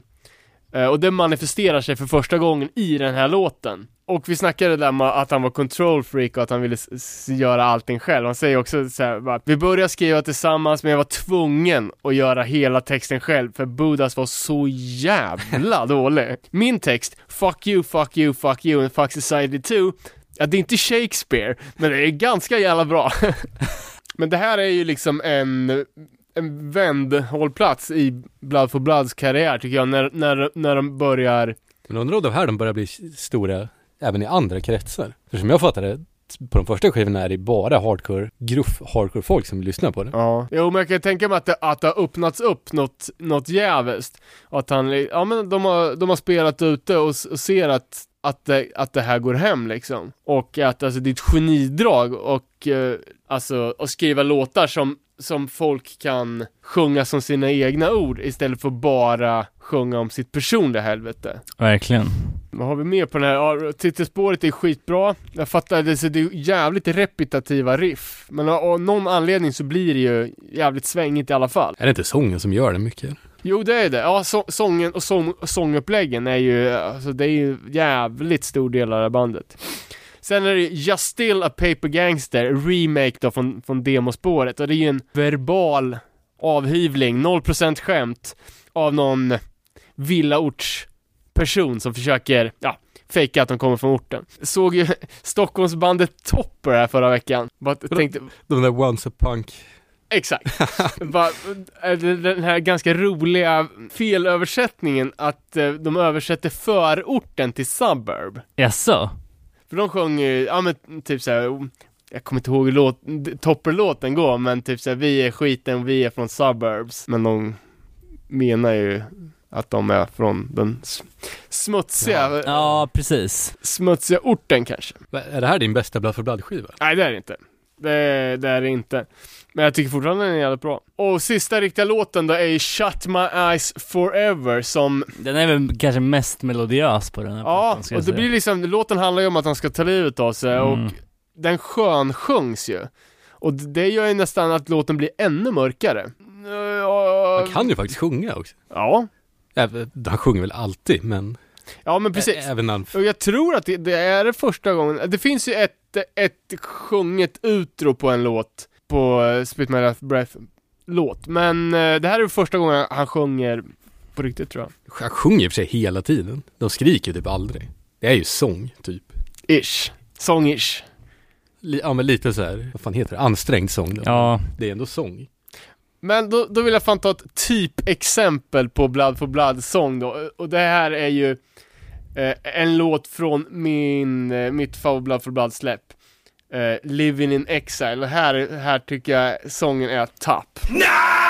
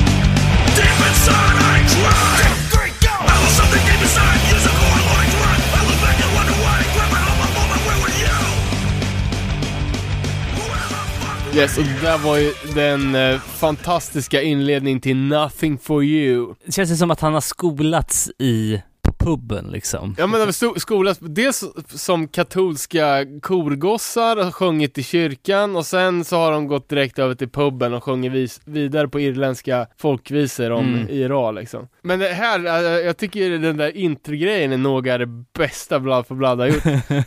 Alltså det, det kanske alla, eh, kanske kommer som en liten överraskning för folk, men jag är ett stort fan av country. Eh, och jag tycker att Blood for Blood på vissa, vissa grejer påminner jävligt mycket om om Blood for Blood. Eh, ja, det, det är alltså dels outlaw-mentaliteten som var liksom stor inom country på 70-talet. Men också just den här stämsångsbiten som bluegrass-gubbarna eh, gjorde på 40-50-talet. Och liksom Hanks sorgliga sånger. Så, tror fan att Hank Williams var första manliga artisten som sjöng om känslor. Jaså? Passus. Men, men jag tycker ändå att det här eh, introt är lite talande till vad Blood for Blood alltid har, de har alltid vågat. Även fast det kanske inte är den bästa sången, så har de alltid vågat ta ut sångsvängar. Ja, det är ju det är skapligt utlämnande Ja. och, och, och lägga den där liksom. Men alltså, de är ju, de tar ju ingen skit. Nej, exakt. Det skulle vad, ska man säga? Och det är inte Bara, som att... nu, nu vart det lite dåligt. Fuck you! Nej, precis. Det här är fan min Blood for, favorit Blood for Blood-skiva. alltså. Samma här, samma här. Eh, och den här har ju lite mer, Förutom Motörhead-covern. att den inte är så bra. Nej. Men jag räknar inte den riktigt som med. Ja men den är väl, det är väl bara bonus track på CD-skivan tror jag. Eh, den här plattan är ju lite mer punk och lite mer upptempo. Rob säger själv att bara, vi gick tvärt emot alla rådande hardcore-trender. Jag är lite osäker på hur, ja, vilka trender som rådde inom hardcore här runt eh, 99. Eh, men säger han det så. Men det är Eh, ganska punkigt ju. Ja, och jag tänker att nu har de börjat ta lite rygg på kompisgänget eh, från Boston Dropkick Murphy som var på väg att bli jävligt stora. Eh, när de giggade ihop liksom och, jag kan tänka mig att publik som var, som kom för att se Dropkick Murphy sk- verkligen kunde uppskatta Blood for Blood. Och att ett steg i lite mer punkig riktning inte hade några direkt negativa inverkningar på Blood for Bloods karriär. Nej, nej för fan så som sagt, det här är väl den plattan som flest personer som jag känner som inte är inne på hardcore eller punk, eh, men kanske lyssnar på metal, Ja. ändå kan droppa Ja, liksom. är det så? Ja. Just för att den har såna jävla solida melodier liksom. Ja, det är en jävla fin, det är en jävla fin skiva. Eh, och en sak som, som jag tror har varit eh, till Blood for Bloods fördel i jävligt stor utsträckning är ju deras artwork och framförallt då Blood for Blood skallen som dök upp för första gången på den här skivan. Mm. Jag Eh, läste att det är någon så här generisk clipart de är har det tagit. det? Jag vet fan inte vart jag läst det, eller Nej, hört det. exakt, för jag, jag hade också det och jag Jag försökte googla lite fort, men jag hittade inget Nej, jag letade också efter det. Eh, för jag, jag har hört Rob säga att han har gjort den, att han har gjort den själv. Men, Men jag lyssnade jag också på tror- det, för då sa han ju att så här, jag hade en, han, han kallade det typ så här rough eh, skull, ja, ble, bleeding typ. för jag har fått för mig att Så den han, lär inte sett ut som den här då. nej, att han förskönar sanningen lite och att han har hittat skallen, det här är min teori, att han har hittat skallen och lagt till tåren. Tåren. Och att det Ja. är det han menar med att ha ritat den själv. Ah. För han har också sagt, han håller ju på lite med konst nu. eh, när han målar med sitt eget blod. Med en eh, baksidan på en heroinspruta. Eh, skitsamma. Eh, Ja, men, tåren har ju han såklart lagt till. Men själva skallen ja, för han har någon- också sagt att, att han inte kan rita for shit. Och den är alltså, man kan inte göra den här om man inte har någon som helst känsla för att, att teckna. Och man, man, man är ju så van att se den som Blood for Blood-logon. Men om man tänker bort det, när man söker bara, du vet i typ powerpoint, Ja, skall, det skulle ju fan ja men jag, jag vet det, för alltså, Ens, Ensign hade ju också den här på en, en skiva på typ senare tror jag, för, utan tåren. Eh, och det finns en tatuerare här i stan eh, som, eh, som hade den på handen. Och jag bara, ah fan vad nice med Blood for Blood tatuering. Jag bara, snackar de? bara, ah, okej, han hade inte en aning. Så då hade han ju bara tagit här clipart Shit. dödskalle som han hittar på nätet och tatuerar på sig själv typ. Eh, och skivan är ju då utgiven på Victory och eh, konstigt nog så verkar ju Verkar han vara, vara rätt så nöjd med, med Victory Records. Ja, men det läste, ja, han sa ju typ så här. Tony är den enda som skickar en check till mig en gång i halvåret. Ja. Ja, det, är, det är skumt. Eh, den mest negativa mannen är positiva, positiv till det bolaget som alla klagar på. Andra spåret Cheap Wine är ju också en jävla dänga, supa för att döva smärtan. If I, if I drink this wine I can stand the pain, if I drink this wine I can play their game, if I drink that shit maybe I can bear to be part of the human race. Men både Cheap Wine och nästa spår, Eulogy for a Dream, är ju liksom bangers, liksom melodi deluxe. Det känns lite som överlag liksom att, visst det här, det nihilistiska i textförfattandet finns ju kvar, men det är inte, det är inte samma självdestruktivitet kanske man kan säga. Nej, och Eulogy for a Dream handlar ju om klasskamp liksom. Ja, exakt. Det här är, det är mer, det är liksom från det här Fight the World Ja. till eh, Ja, liksom ja exakt, mer... det är så. Är du, är du född fattig kommer du dö fattig. Ja. Du, har ingen, du har ingen chans att förbättra din situation. Det känns ju inte som man kommer från någon riktig så här punkbakgrund heller.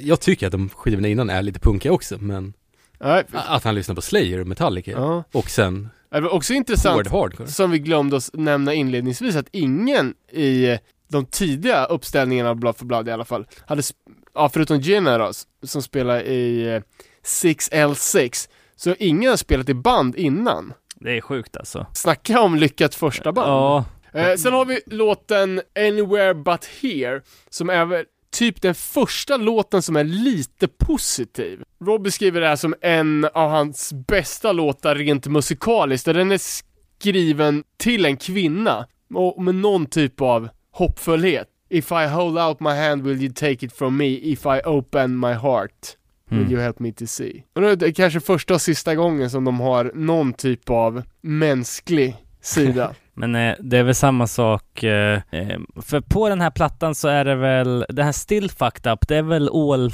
eh, alltså den... All fucked up. Ja, precis. igen.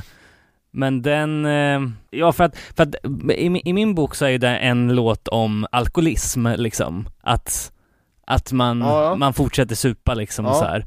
Eh, och det är ju det som alltid har varit så, det är ju det som ligger lite i den texten i kontrast till till exempel Cheap Wine då, som är liksom lite mer glorifierande kring Ja. alkohol liksom. Jo, det är det är svårt att göra en låt som pratar om de negativa effekterna av alkohol samtidigt som man glorifierar det övrigt på skivan liksom. Det faller lite tycker jag. Ja, nej men som sagt att de är, de pratar ju mycket om att just de låtarna, att det handlar, att det handlar om att supa bort smärta och att det Ja. inte är någon jävla glamour, det är ingen fest utan vi dricker inte för att ha det kul.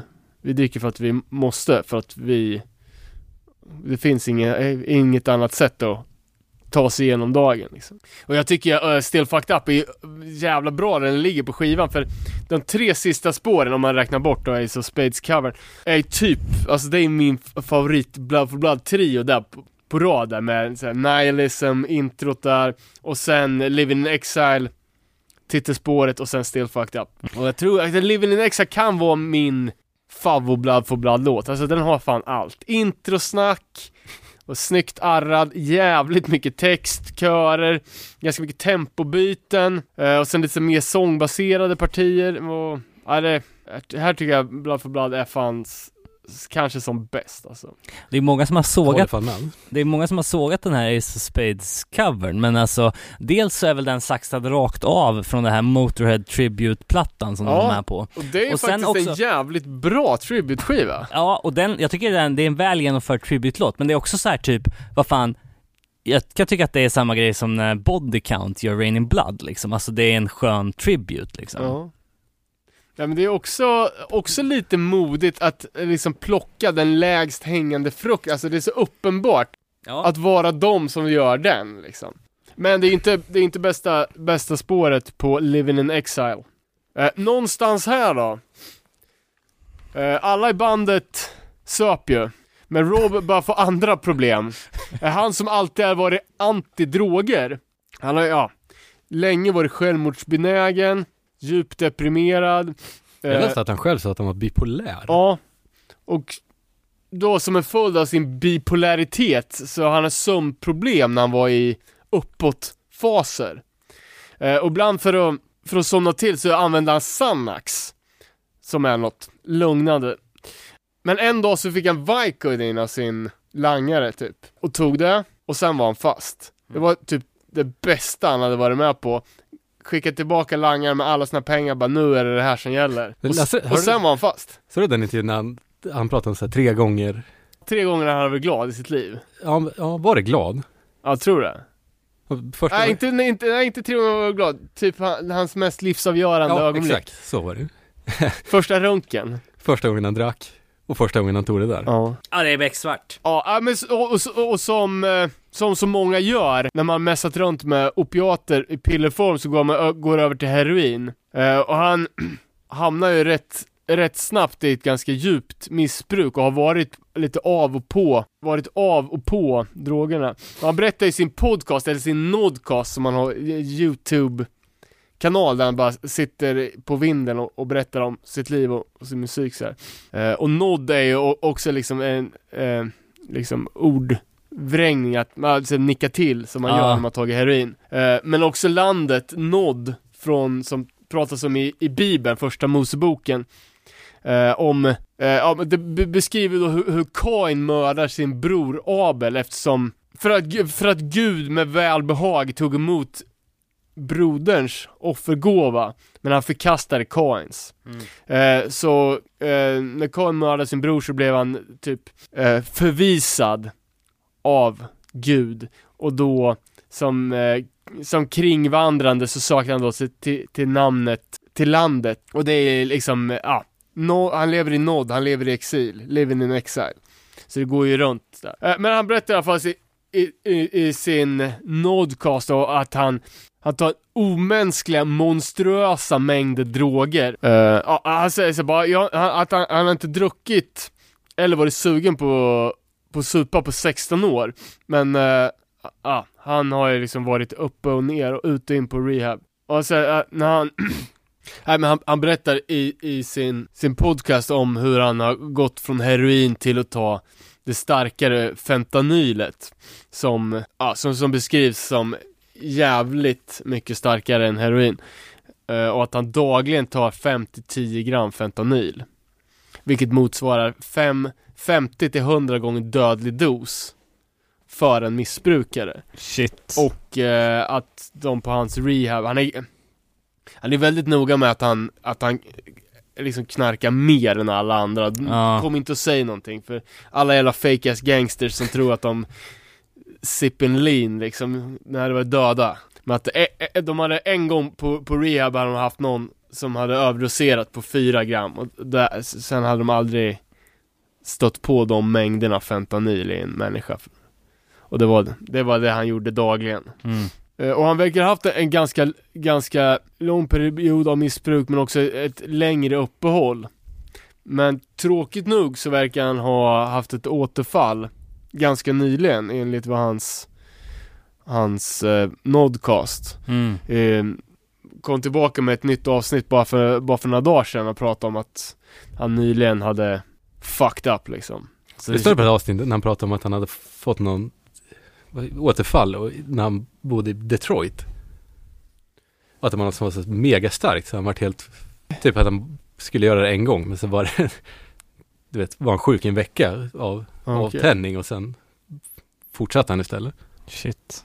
Alltså det känns alltså, just fentanylen med den extrema dödligheten och att han tar sig in i helvete mycket.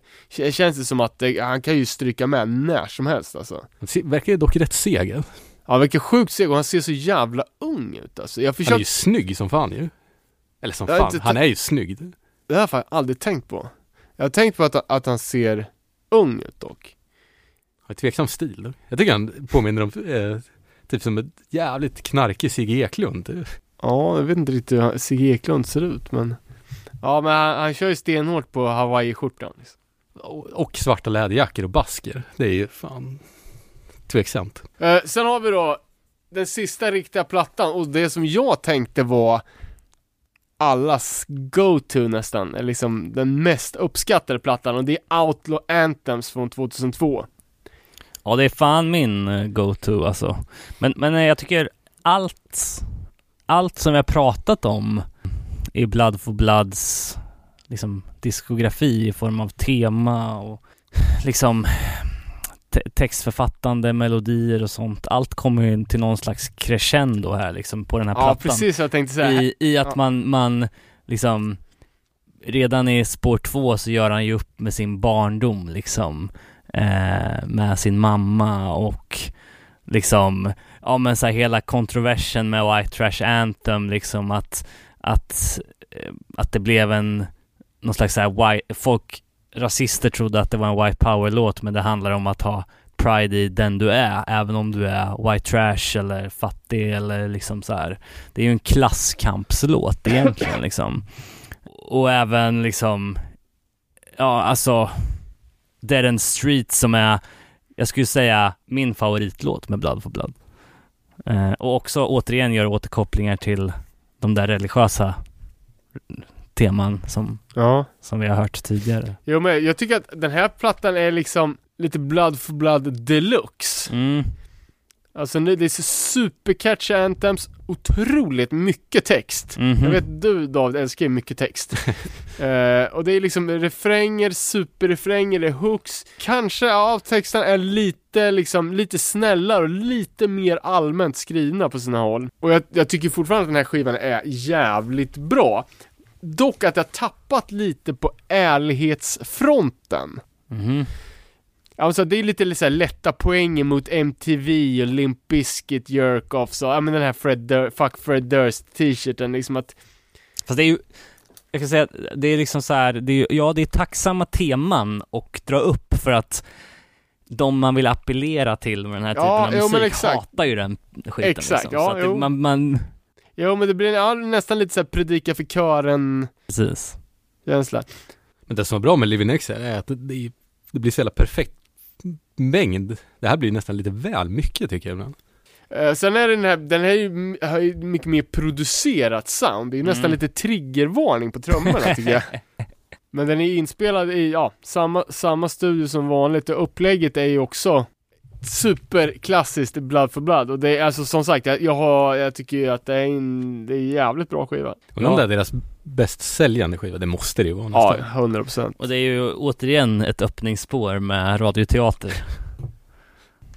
Ja, och återigen så är det ju åter, alltså eh, She's still a bitch, Call Hope eh, och sen eh, Wasted Youth Crew 2 Och också en Bruisers cover, vilket är lite kul, i alla fall på LPn. Ja, ja men precis, och det här är liksom Bruisers, ja som sagt de Är det Bloodshed? Ja, Ja, och de turnerar ju då i Sverige på den turnén med, med Bruisers och man märker att de är väldigt stora förebilder till Blood for Blood. Kanske inte det största Boston-bandet men garanterat det mest respekterade.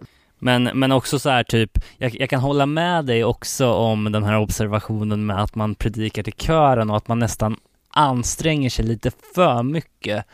Man, om man lyssnar på den här plattan och antalet fuck Ja, som skri, skriks i varannan rad liksom, det är ju det är ju Children of Bodom-nivå, alltså det är verkligen, och, och det här If you don't like it you can suck my dick och Fucking Ja. pussy was like fucking ja the moon from a precis, det är, shotgun vä- alltså, blast ja, liksom. det är ju Den. So Common So Cheap låten är ju, alltså det är väl en reflektion på hans uppväxt, alltså eller ett, han är en produkt av uppväxten i Charlestown där det var väldigt inskränkt. Det är ju en supermisogyn låt som känns lite jobbig att spela Tveksam. hemma liksom. Ja, men det är ju så med, med tidigare alster med i deras katalog liksom. Det, det misogyna.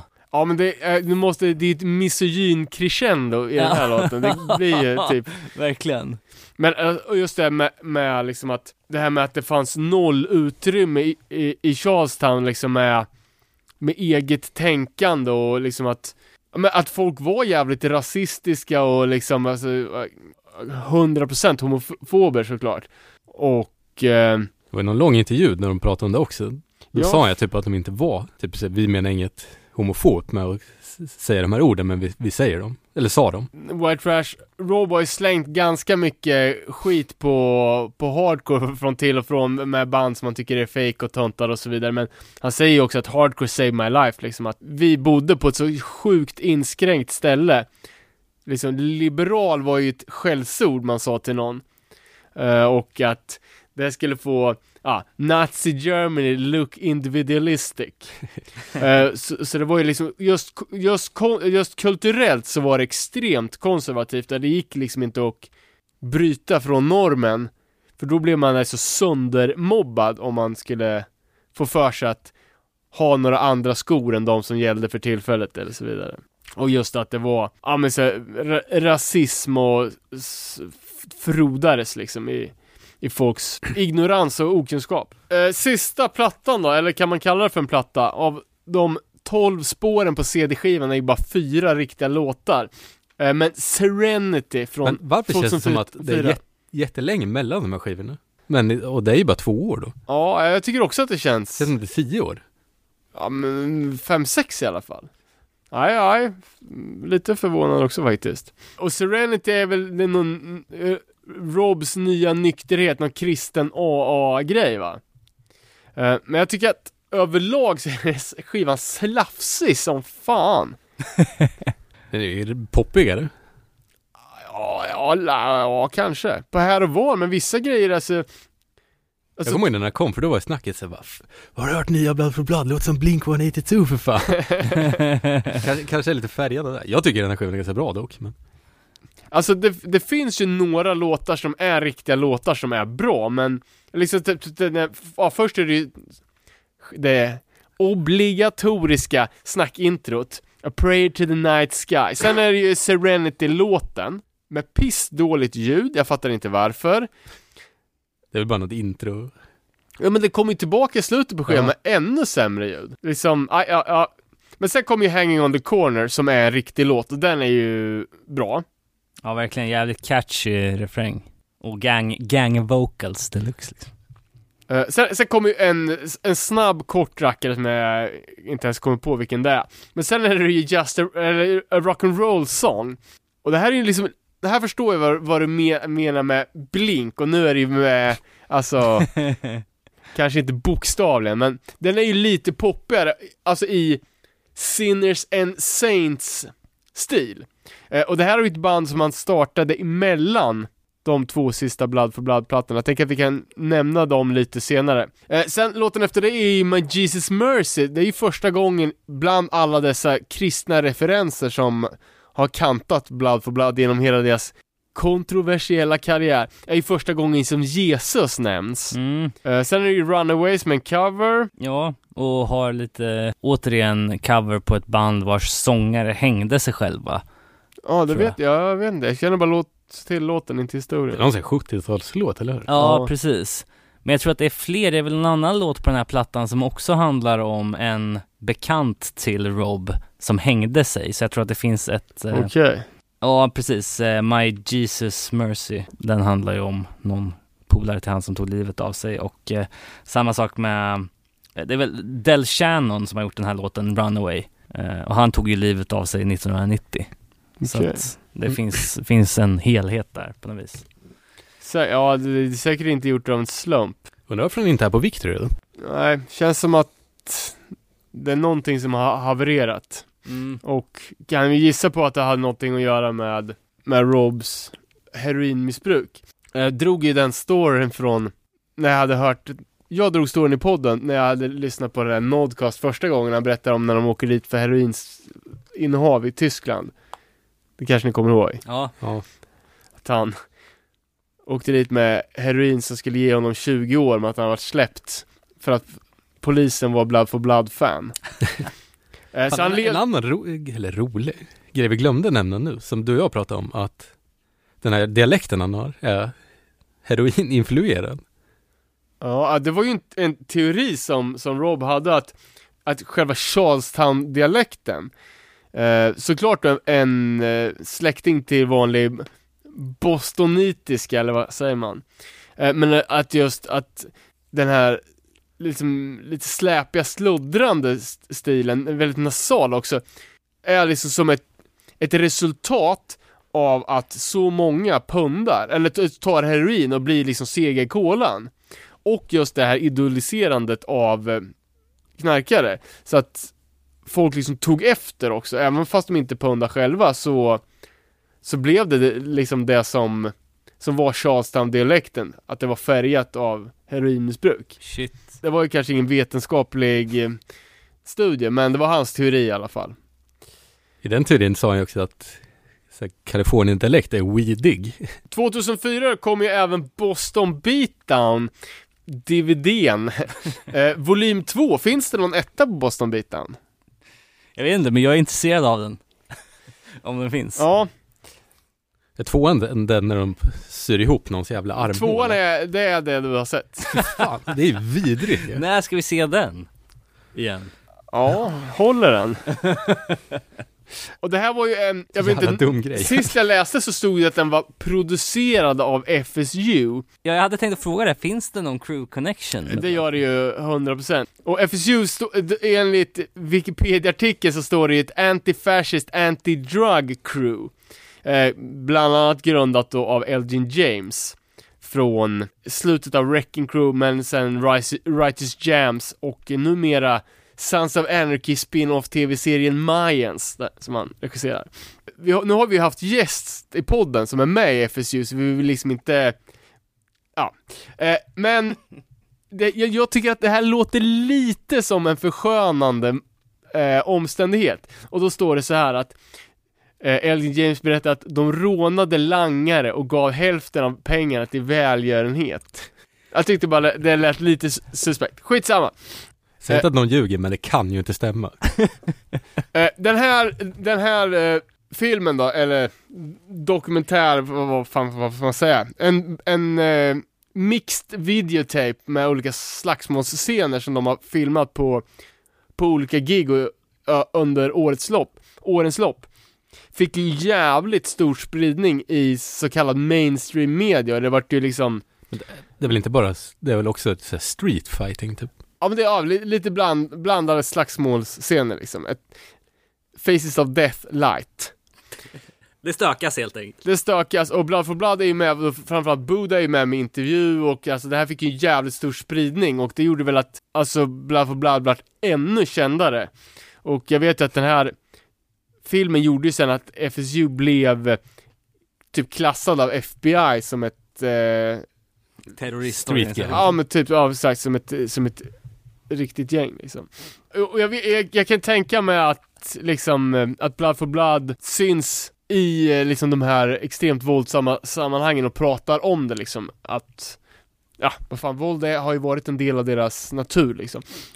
Ja, vad fan, det är väl för Men att Blood for Blood-spelningen har ju under många år, jag tror att det kanske pikar lite nu, att det har varit jävligt mycket våld på deras spelningar och att tre pers har dött på Blood for Blood-spelningar under åren. jävlar. Um, och Blood for Blood hade ju även en, en t-shirt print där det stod I went to a brawl and a Blood for Blood show broke out. Just Men det känns ju inte som att de är Gabetel skrev ju också på Facebook va, att det enda jag minns från Blood for Blood på This is Hardcore var några i publiken svingade på medlemmar från BFL och F- FSU eh, för att sen bli utslitna och stampade på utanför spelstället. Rob sålde även prints målade med sitt eget blod. Eh, och det här var ju typ i samma veva som de spelade i Sverige. Man har alltid hört stories om Blood for Blood Linköping. Linköping, ja fan. Vi hade ju precis sett Blood for Blood i Tyskland bara dagarna innan. Jag såg den spelningen från läktaren, jag tror det var sista dagen på ett Pressure Festival, så man var ju skapligt mör. Eh, Men vi hade ju liksom någonting fint att se fram emot när vi kom hem. Jag vet inte om det riktigt levde upp till förväntan om man ska vara... Jaså? Jag var ju också på det, han Buddha var ju så jävla full Eh, Så han kunde ju typ inte sjunga. PG skriver på, på Facebook. Eh, Vi, det vill säga Damien då, gissar jag, lirade på skylten-gigget Buddha sög i sig nästan till ett flak långburk. Rätt pruttfull med andra ord. Och det stämmer ju. Han, Men kommer du- han satt ju på bara ba- vid scenen. Satt på baskaggen och, och Modde skit eller? Han, Ja. må, han mådde helt enkelt. Han mådde eh, Sen skrev, skrev ju Hammaren, och det här har jag fan glömt bort, även fast jag var en del i den här historien Kan ha nämnts förut Hammar skrev ju Blood for Blood i Linköping. Efter giget som vi, Fight Music Linköping, satte upp så blev det ett redigt hallå på nätet. Ett av förbandet, namnet flyr mig, sa sig ha fått stryk så att det var blod överallt på toaletten och blivit jagade genom lokalen och halva, om, och på halva området av förmodligen är de från Örebro för att de lirat en limp wrist cover. Hur mycket som lades fram som visade på att detta var skitsnack och aldrig hade hänt vill inte Hur mycket som än lades fram som visade på att detta var skitsnack och aldrig hade hänt vill inte snacket lägga sig. Vi fick mycket skit för bokningen av bandet, för besökarna på gigget och massa annat. Att det var noll som hade hänt, att typ två pers från Örebro var på plats och, och annat spelade ingen roll.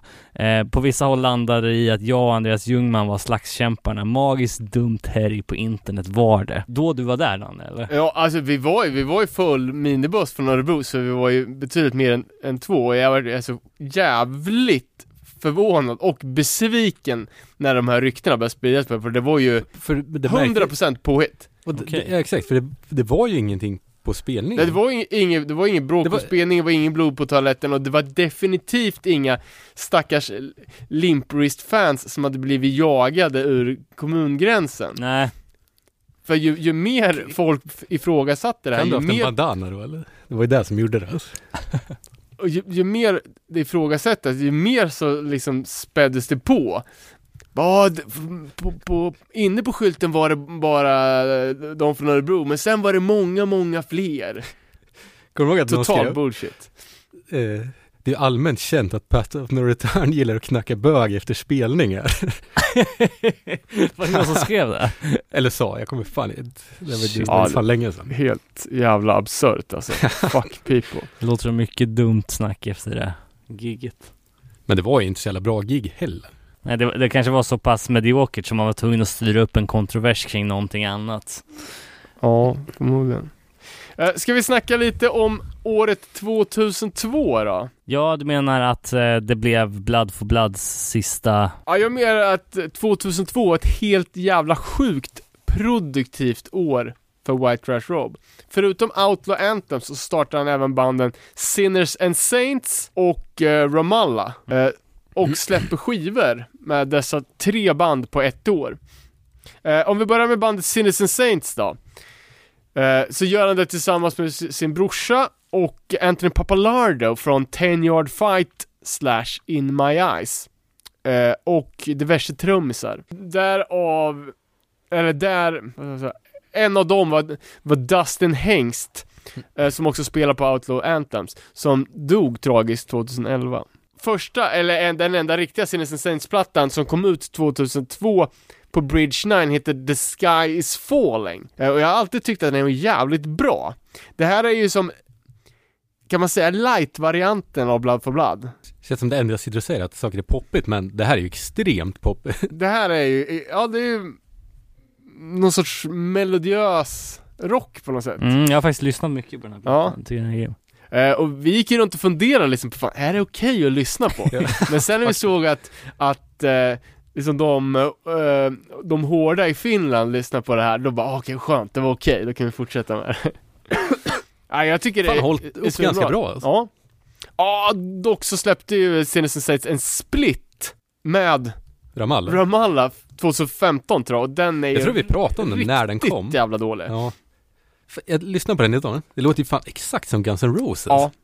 Men Visst gör det den, det?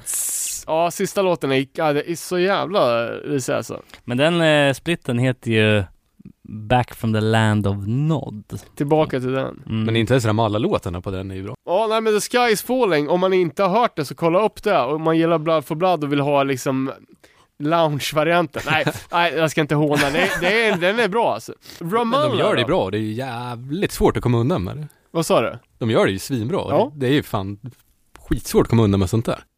Hazen Street. Eh, Ramallah, första plattan heter Butter Whimper. Eh, också släppt på Bridge 9. Eh, den här plattan skulle jag säga håller fan bra än. Tycker du det? Ja. Jag har aldrig gillat den. Alltså. Alltså jag har alltid gillat den. Jag, för jag tycker det är så jävla störigt med den där vässången som är ibland. Alright. Ja, men alltså, ja det är ju Jacob Bannon från Converge. Ja, exakt. Det är också lite intressant för att Blood for Blood har ju liksom varit någon sorts förenande faktor i, i hela, alltså Boston-scenen. Dels då eh, med liksom med streetpunk-gänget i och med att då eh, Robs brorsa Mark spelar med Ducky Boys, som var ett av de större banden där, och att de gjorde split med band som heter Hudson Falcons. Eh, sen spelar ju då eh, Mike Mahoney, trummisen, spelar ju även med det mer youth, alltså Reach the Sky som typ ett youth crew-band. Mm. Och sen då har Ramallah tillsammans med Converge-folk, eller i alla fall på den första. Och sen släpper på Bridge 9, som var en helt annan klick. Och sen då kopplingen till FSU, så de, de liksom förenar i eh, alla, i alla hardcore-läger i Boston. Den här Butter Whimper då, den, den har, hela den plattan har ju som ett arabiskt tema. Eh, Ramallah är ju den palestinska huvudstaden på Västbanken. På baksidan så är det, är det så här arabiska tecken och det är liksom ett Israel-Palestina-konfliktstema nästan. Al-Shifa, Al-Shifa är ju låt som är som så sakpolitisk, vilket alltså är väldigt långt ifrån hur han har skrivit låtar med varken Sinners and Saints eller med Blood for Blood. Och eh, läste lite om, om den texten och det var ganska intressant för det var ju då att eh, i Al-Shifa Al-Shifa att eh, som ett svar på de här bombattentaten som var mot amerikanska ambassaderna i Dar es, Dar es, Dar es Salaam Dar es Salaam Var fan?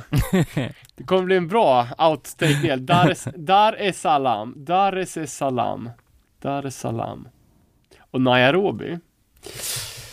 Ja, eh, som ett svar på de, bombningarna av, av de amerikanska ambassaderna i Nairobi så bombade USA en vad de sa eh, chemical warfare fabrik i Sudan. Det här var i själva verket en eh, läkemedelsfabrik. Mhm. Eh, den här läkemedelsfabriken var dock delfinansierad, eller delägd, de, delägd av Osama bin Laden. Eh, men bin Laden-familjen var ju liksom shejkrika och ägde väl typ varenda jävla hus i hela regionen. Eh, hur som helst, problemet med bombningen av, det här stället var att det var den enda platsen i Sudan som tillverkade T- TB-medicin. Nej, det var den enda platsen i Sudan som tillverkade tuberkulosmedicin. Någonting som där var, ett, alltså det var hundratusen pers som behövde den här medicinen. Mm, mm. Och det är li- lite så intressant att han tar upp sådana liksom så sakpolitiska grejer i, i, i sina texter. Men är det inte något så här jordens undergång-tema typ? Ja, men det är väl, är fan, är inte det också en bibelreferens när du säger det? Men det där Butter Att- Whimper är någon dikt typ. Ja, men att jorden går inte under med ett brak, det går un- den, den går under med en viskning. Ja, precis. Tror inte det är Bibeln dock. Det är någon dikt. En annan bok, bok Mm. som bok. En annan, ett annat litterärt verk. Eh, och på ett gäng av låtarna så lägger ju då Converge-sångaren sin patenterade vässång som, eh, Ormsång har jag alltid tänkt som, på det som. som, som ett stämkomplement då till, till White Rush Robs röst. Ja, jag tycker, jag tycker den här Jag lyssnar mycket på den när det kommer. Det är, det är, det är inte metal heller, men det är någonting med musikstilen som jag inte riktigt... Ja, tycker ja, det, var, alltså. det är en svår period inom hardcore så typ tidigt 2000 när folk inte riktigt visste vad, vad de skulle ta sig till. Sen kom ju dock Kill a Celebrity från 2005. Den har ju inte hållit så bra. Det var väl eh, enda fullängden de hade släppt fram tills förra året. Men även där då, alltså... Men jag kommer, när den kom så tyckte man den var ganska bra. Ja, ja jag, jag håller med alltså. Men jag tycker inte den håller lika bra som, som första. Nej. Däremot, hör och häpna, så har jag lyssnat på den senaste Ja, Ramallah-skivan. The Last Gasp of Street Rock and Roll. Och tycker den är bra. nice. Jag, s- eh, det som är intressant är ju att den här Blood for, Blood, for Blood-grejen om att eh, döpa låtar till ungefär samma sak eh, Ja. är ju Skapligt. pågående även i Ramallah. Ja, verkligen. Och alltså på den senaste Ramallah-plattan, det är nog fan världsrekord i återanvändningar. Alltså, Mm. Alla textrader är antingen snodda, det är ju såhär snott från Agnostic Front, de har ju till och med snott en hook från Roxette.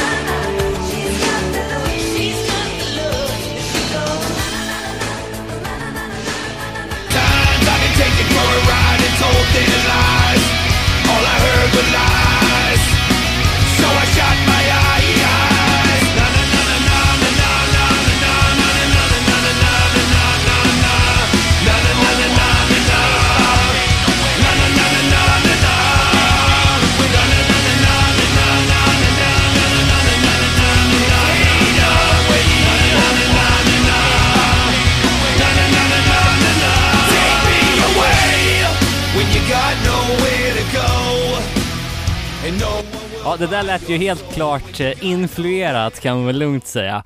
Men vad fan, Ramallah-plattan senaste, den är ju bara, den är inte ens ett halvår gammal. Kom 4 oktober 2019, Ja. så att, Ja, jag vet att den fick jävligt gömt mottagande, men jag tycker att folk borde kolla upp den, för jag tycker fan den, den är nice alltså. du sa att eh, Rob hade sin Nodcast på, på Youtube. Är det något som han trycker ut veckovis eller? Nu, nu har han varit borta på grund av eh, knark, men eh, han har två nya avsnitt. Spännande, det måste man ju kolla in. Eh, vi, Man borde i vi, alla fall, ja. Du, Har du inte sett någonting? Han sitter uppe på någon vind och han röker så, ta mig fan konstant ju. Och det ser ju, man vill ju veta vad det är för vind alltså. Ja, men alltså hela han är ju jävligt paradoxalt. He, eller han, he, hela han är jävligt paradoxal, för han, säger ju hela tiden såhär typ, typ såhär tough guy bullshit och du vet såhär. Men han är ju så jävla mycket en tough guy själv. Mhm. Och han säger sig liksom att han hatar våld, han hatar droger. Liksom han säger det, the violence hate, and hate I've seen, it makes me wanna puke. Mm. But what, what can I do? Liksom men ändå så, ibland så förespråkar han ju och bara slå ihjäl någon och ibland så tar han avstånd och det är likadant med, med, med brottslighet. Så han, han är liksom, han ger intrycket att vara i alla fall väldigt smart och påläst. Sa han inte i något avsnitt att han hade gjort, jag vet inte, kommer inte ihåg vad det är, högskoleprovet fast i USA? S. SATs. Ja, Ja. och fått typ skithögt men att han inte hade råd att åka till college. Ja, ja det är mycket möjligt. Lätt att säga också.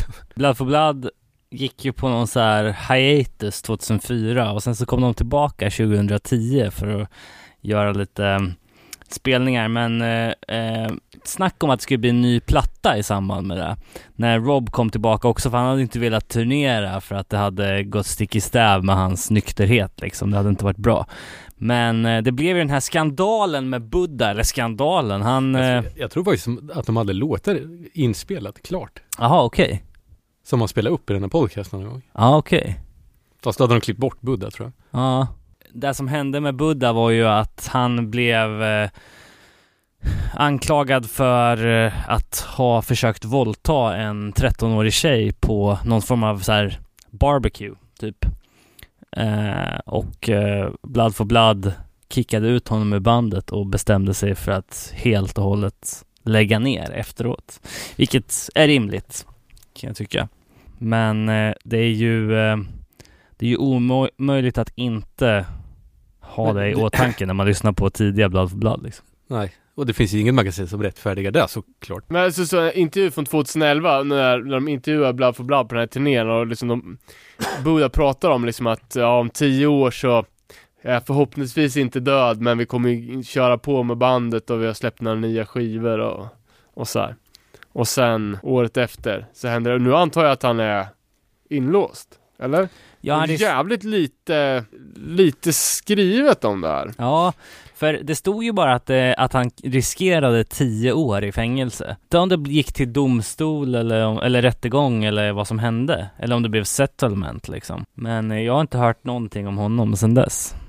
Eh, nej, det är Och ju... Rob verkar inte vilja prata om det heller. Nej, Det är ju en, det är ju samma nyhetsgrej liksom Som, som bes- beskriver vad som hände, att han försökte hå- hångla upp en minderårig på Mm. en privat fest typ. Och sen gjorde ju ett Blood for Blood ett, ett officiellt statement liksom att Ja, det totala brytet med honom ja, Men det var väldigt svårt att hitta någonting mer i, i det hela verkligen. Jag, jag läste någon intervju, då sa han ju, Rob sa ju, typ vi, vi kan spela Blood for Blood-låtar men aldrig under namnet Blood for Blood längre. Men då sa han ju också typ, så här, jag blir ledsen när folk pissar på Blood for Blood för det här är min historia. Det har ingenting med Buddha att göra. Det, jag har gjort låtarna, det här, det här är, jag har skrivit alla texter. Nej, och eh, alltså det hålet på nätet som man brukar gå till när det gäller att få reda på sån här information, nämligen Reddit. Där, även där är det helt jävla dödstyst liksom. Senast det var någon som postade en tråd för sex år sedan och frågade vad som hade hänt med honom och ingen visste liksom. Så att eh, det är väl upp till eh, eh, oss intresserade att fortsätta lyssna på eh, The Nodcast. Se om det dyker upp någonting. Men eh, i övrigt så får man väl, om man vill ha sin dos av det gamla Blood for Blood-soundet så får man väl kolla åt Ramallah-hållet då, eller, eller liknande Rob-projekt. Ja, vad fan finns det någon, den vilka är de nya Blood for Blood? Jag skulle säga Barfight är ju ett band som, eh, som Ja, anammar det, Det soundet. måste ju ha poppat upp en kvadriljon sådana band i samband med Blood for Bloods storhetstid, bara att man inte kommer ihåg dem nu på rak. Mm. Vi propagerar ju för Boost Cruise EPn från 2016. Eh, med med eh, de klassiska glassamplingarna och, och liksom bar-auran så. Ja, just det. Ja, exakt. Du snackar om engelska barfight. Ja, Det finns precis. ju ett amerikanskt barfight med sju sånger också. De är också lite åt den. Ja, okej, det var som fan. Det har aldrig funnits ett svenskt sånt band ju ah, jag vet inte, det har det säkert gjort. Jag är för trött för att komma på någonting nu. Vi behöver ta kvällsmat. Alltså, eh, det var ju många av de där banden som var på röjarskivorna typ Den onde, den gode, den tredje, Arabens anus. De hade ju lite, lite liksom eh, sötlimpa. Ja. Liksom. Hoist a few. Ja. Kan vara en aspirant kanske. Eh, ska vi eh, säga så? Vi rundar. Ja, blood for blood. Ni får eh, hojta i kommentarerna om ni tycker att vi har missat någonting. Och eh, som vanligt så når ni oss på att nerepanol på Instagram, nerepanol podcast på Facebook. Kolla in oss eh, på hemsidan nerepanol.se eller mejla oss på nerepanol.gmail.com. Det var allt. Vi är tillbaka igen om några veckor igen. Då blir det nytt kul tema. Yes. Häng med. Tack.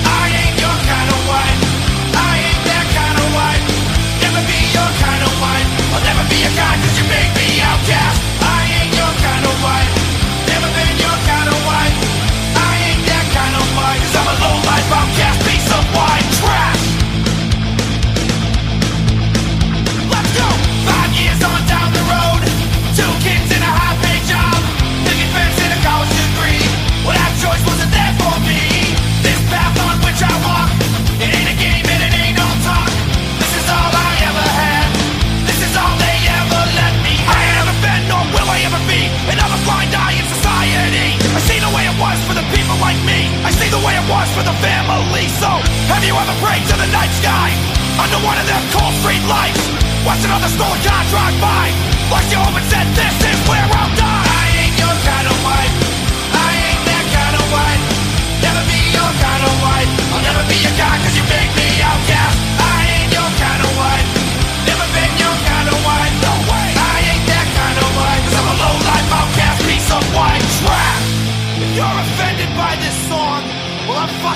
slighted by the way I had to grow up. So who's really been slighted?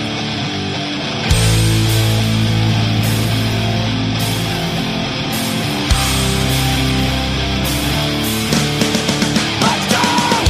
Have you ever prayed to the night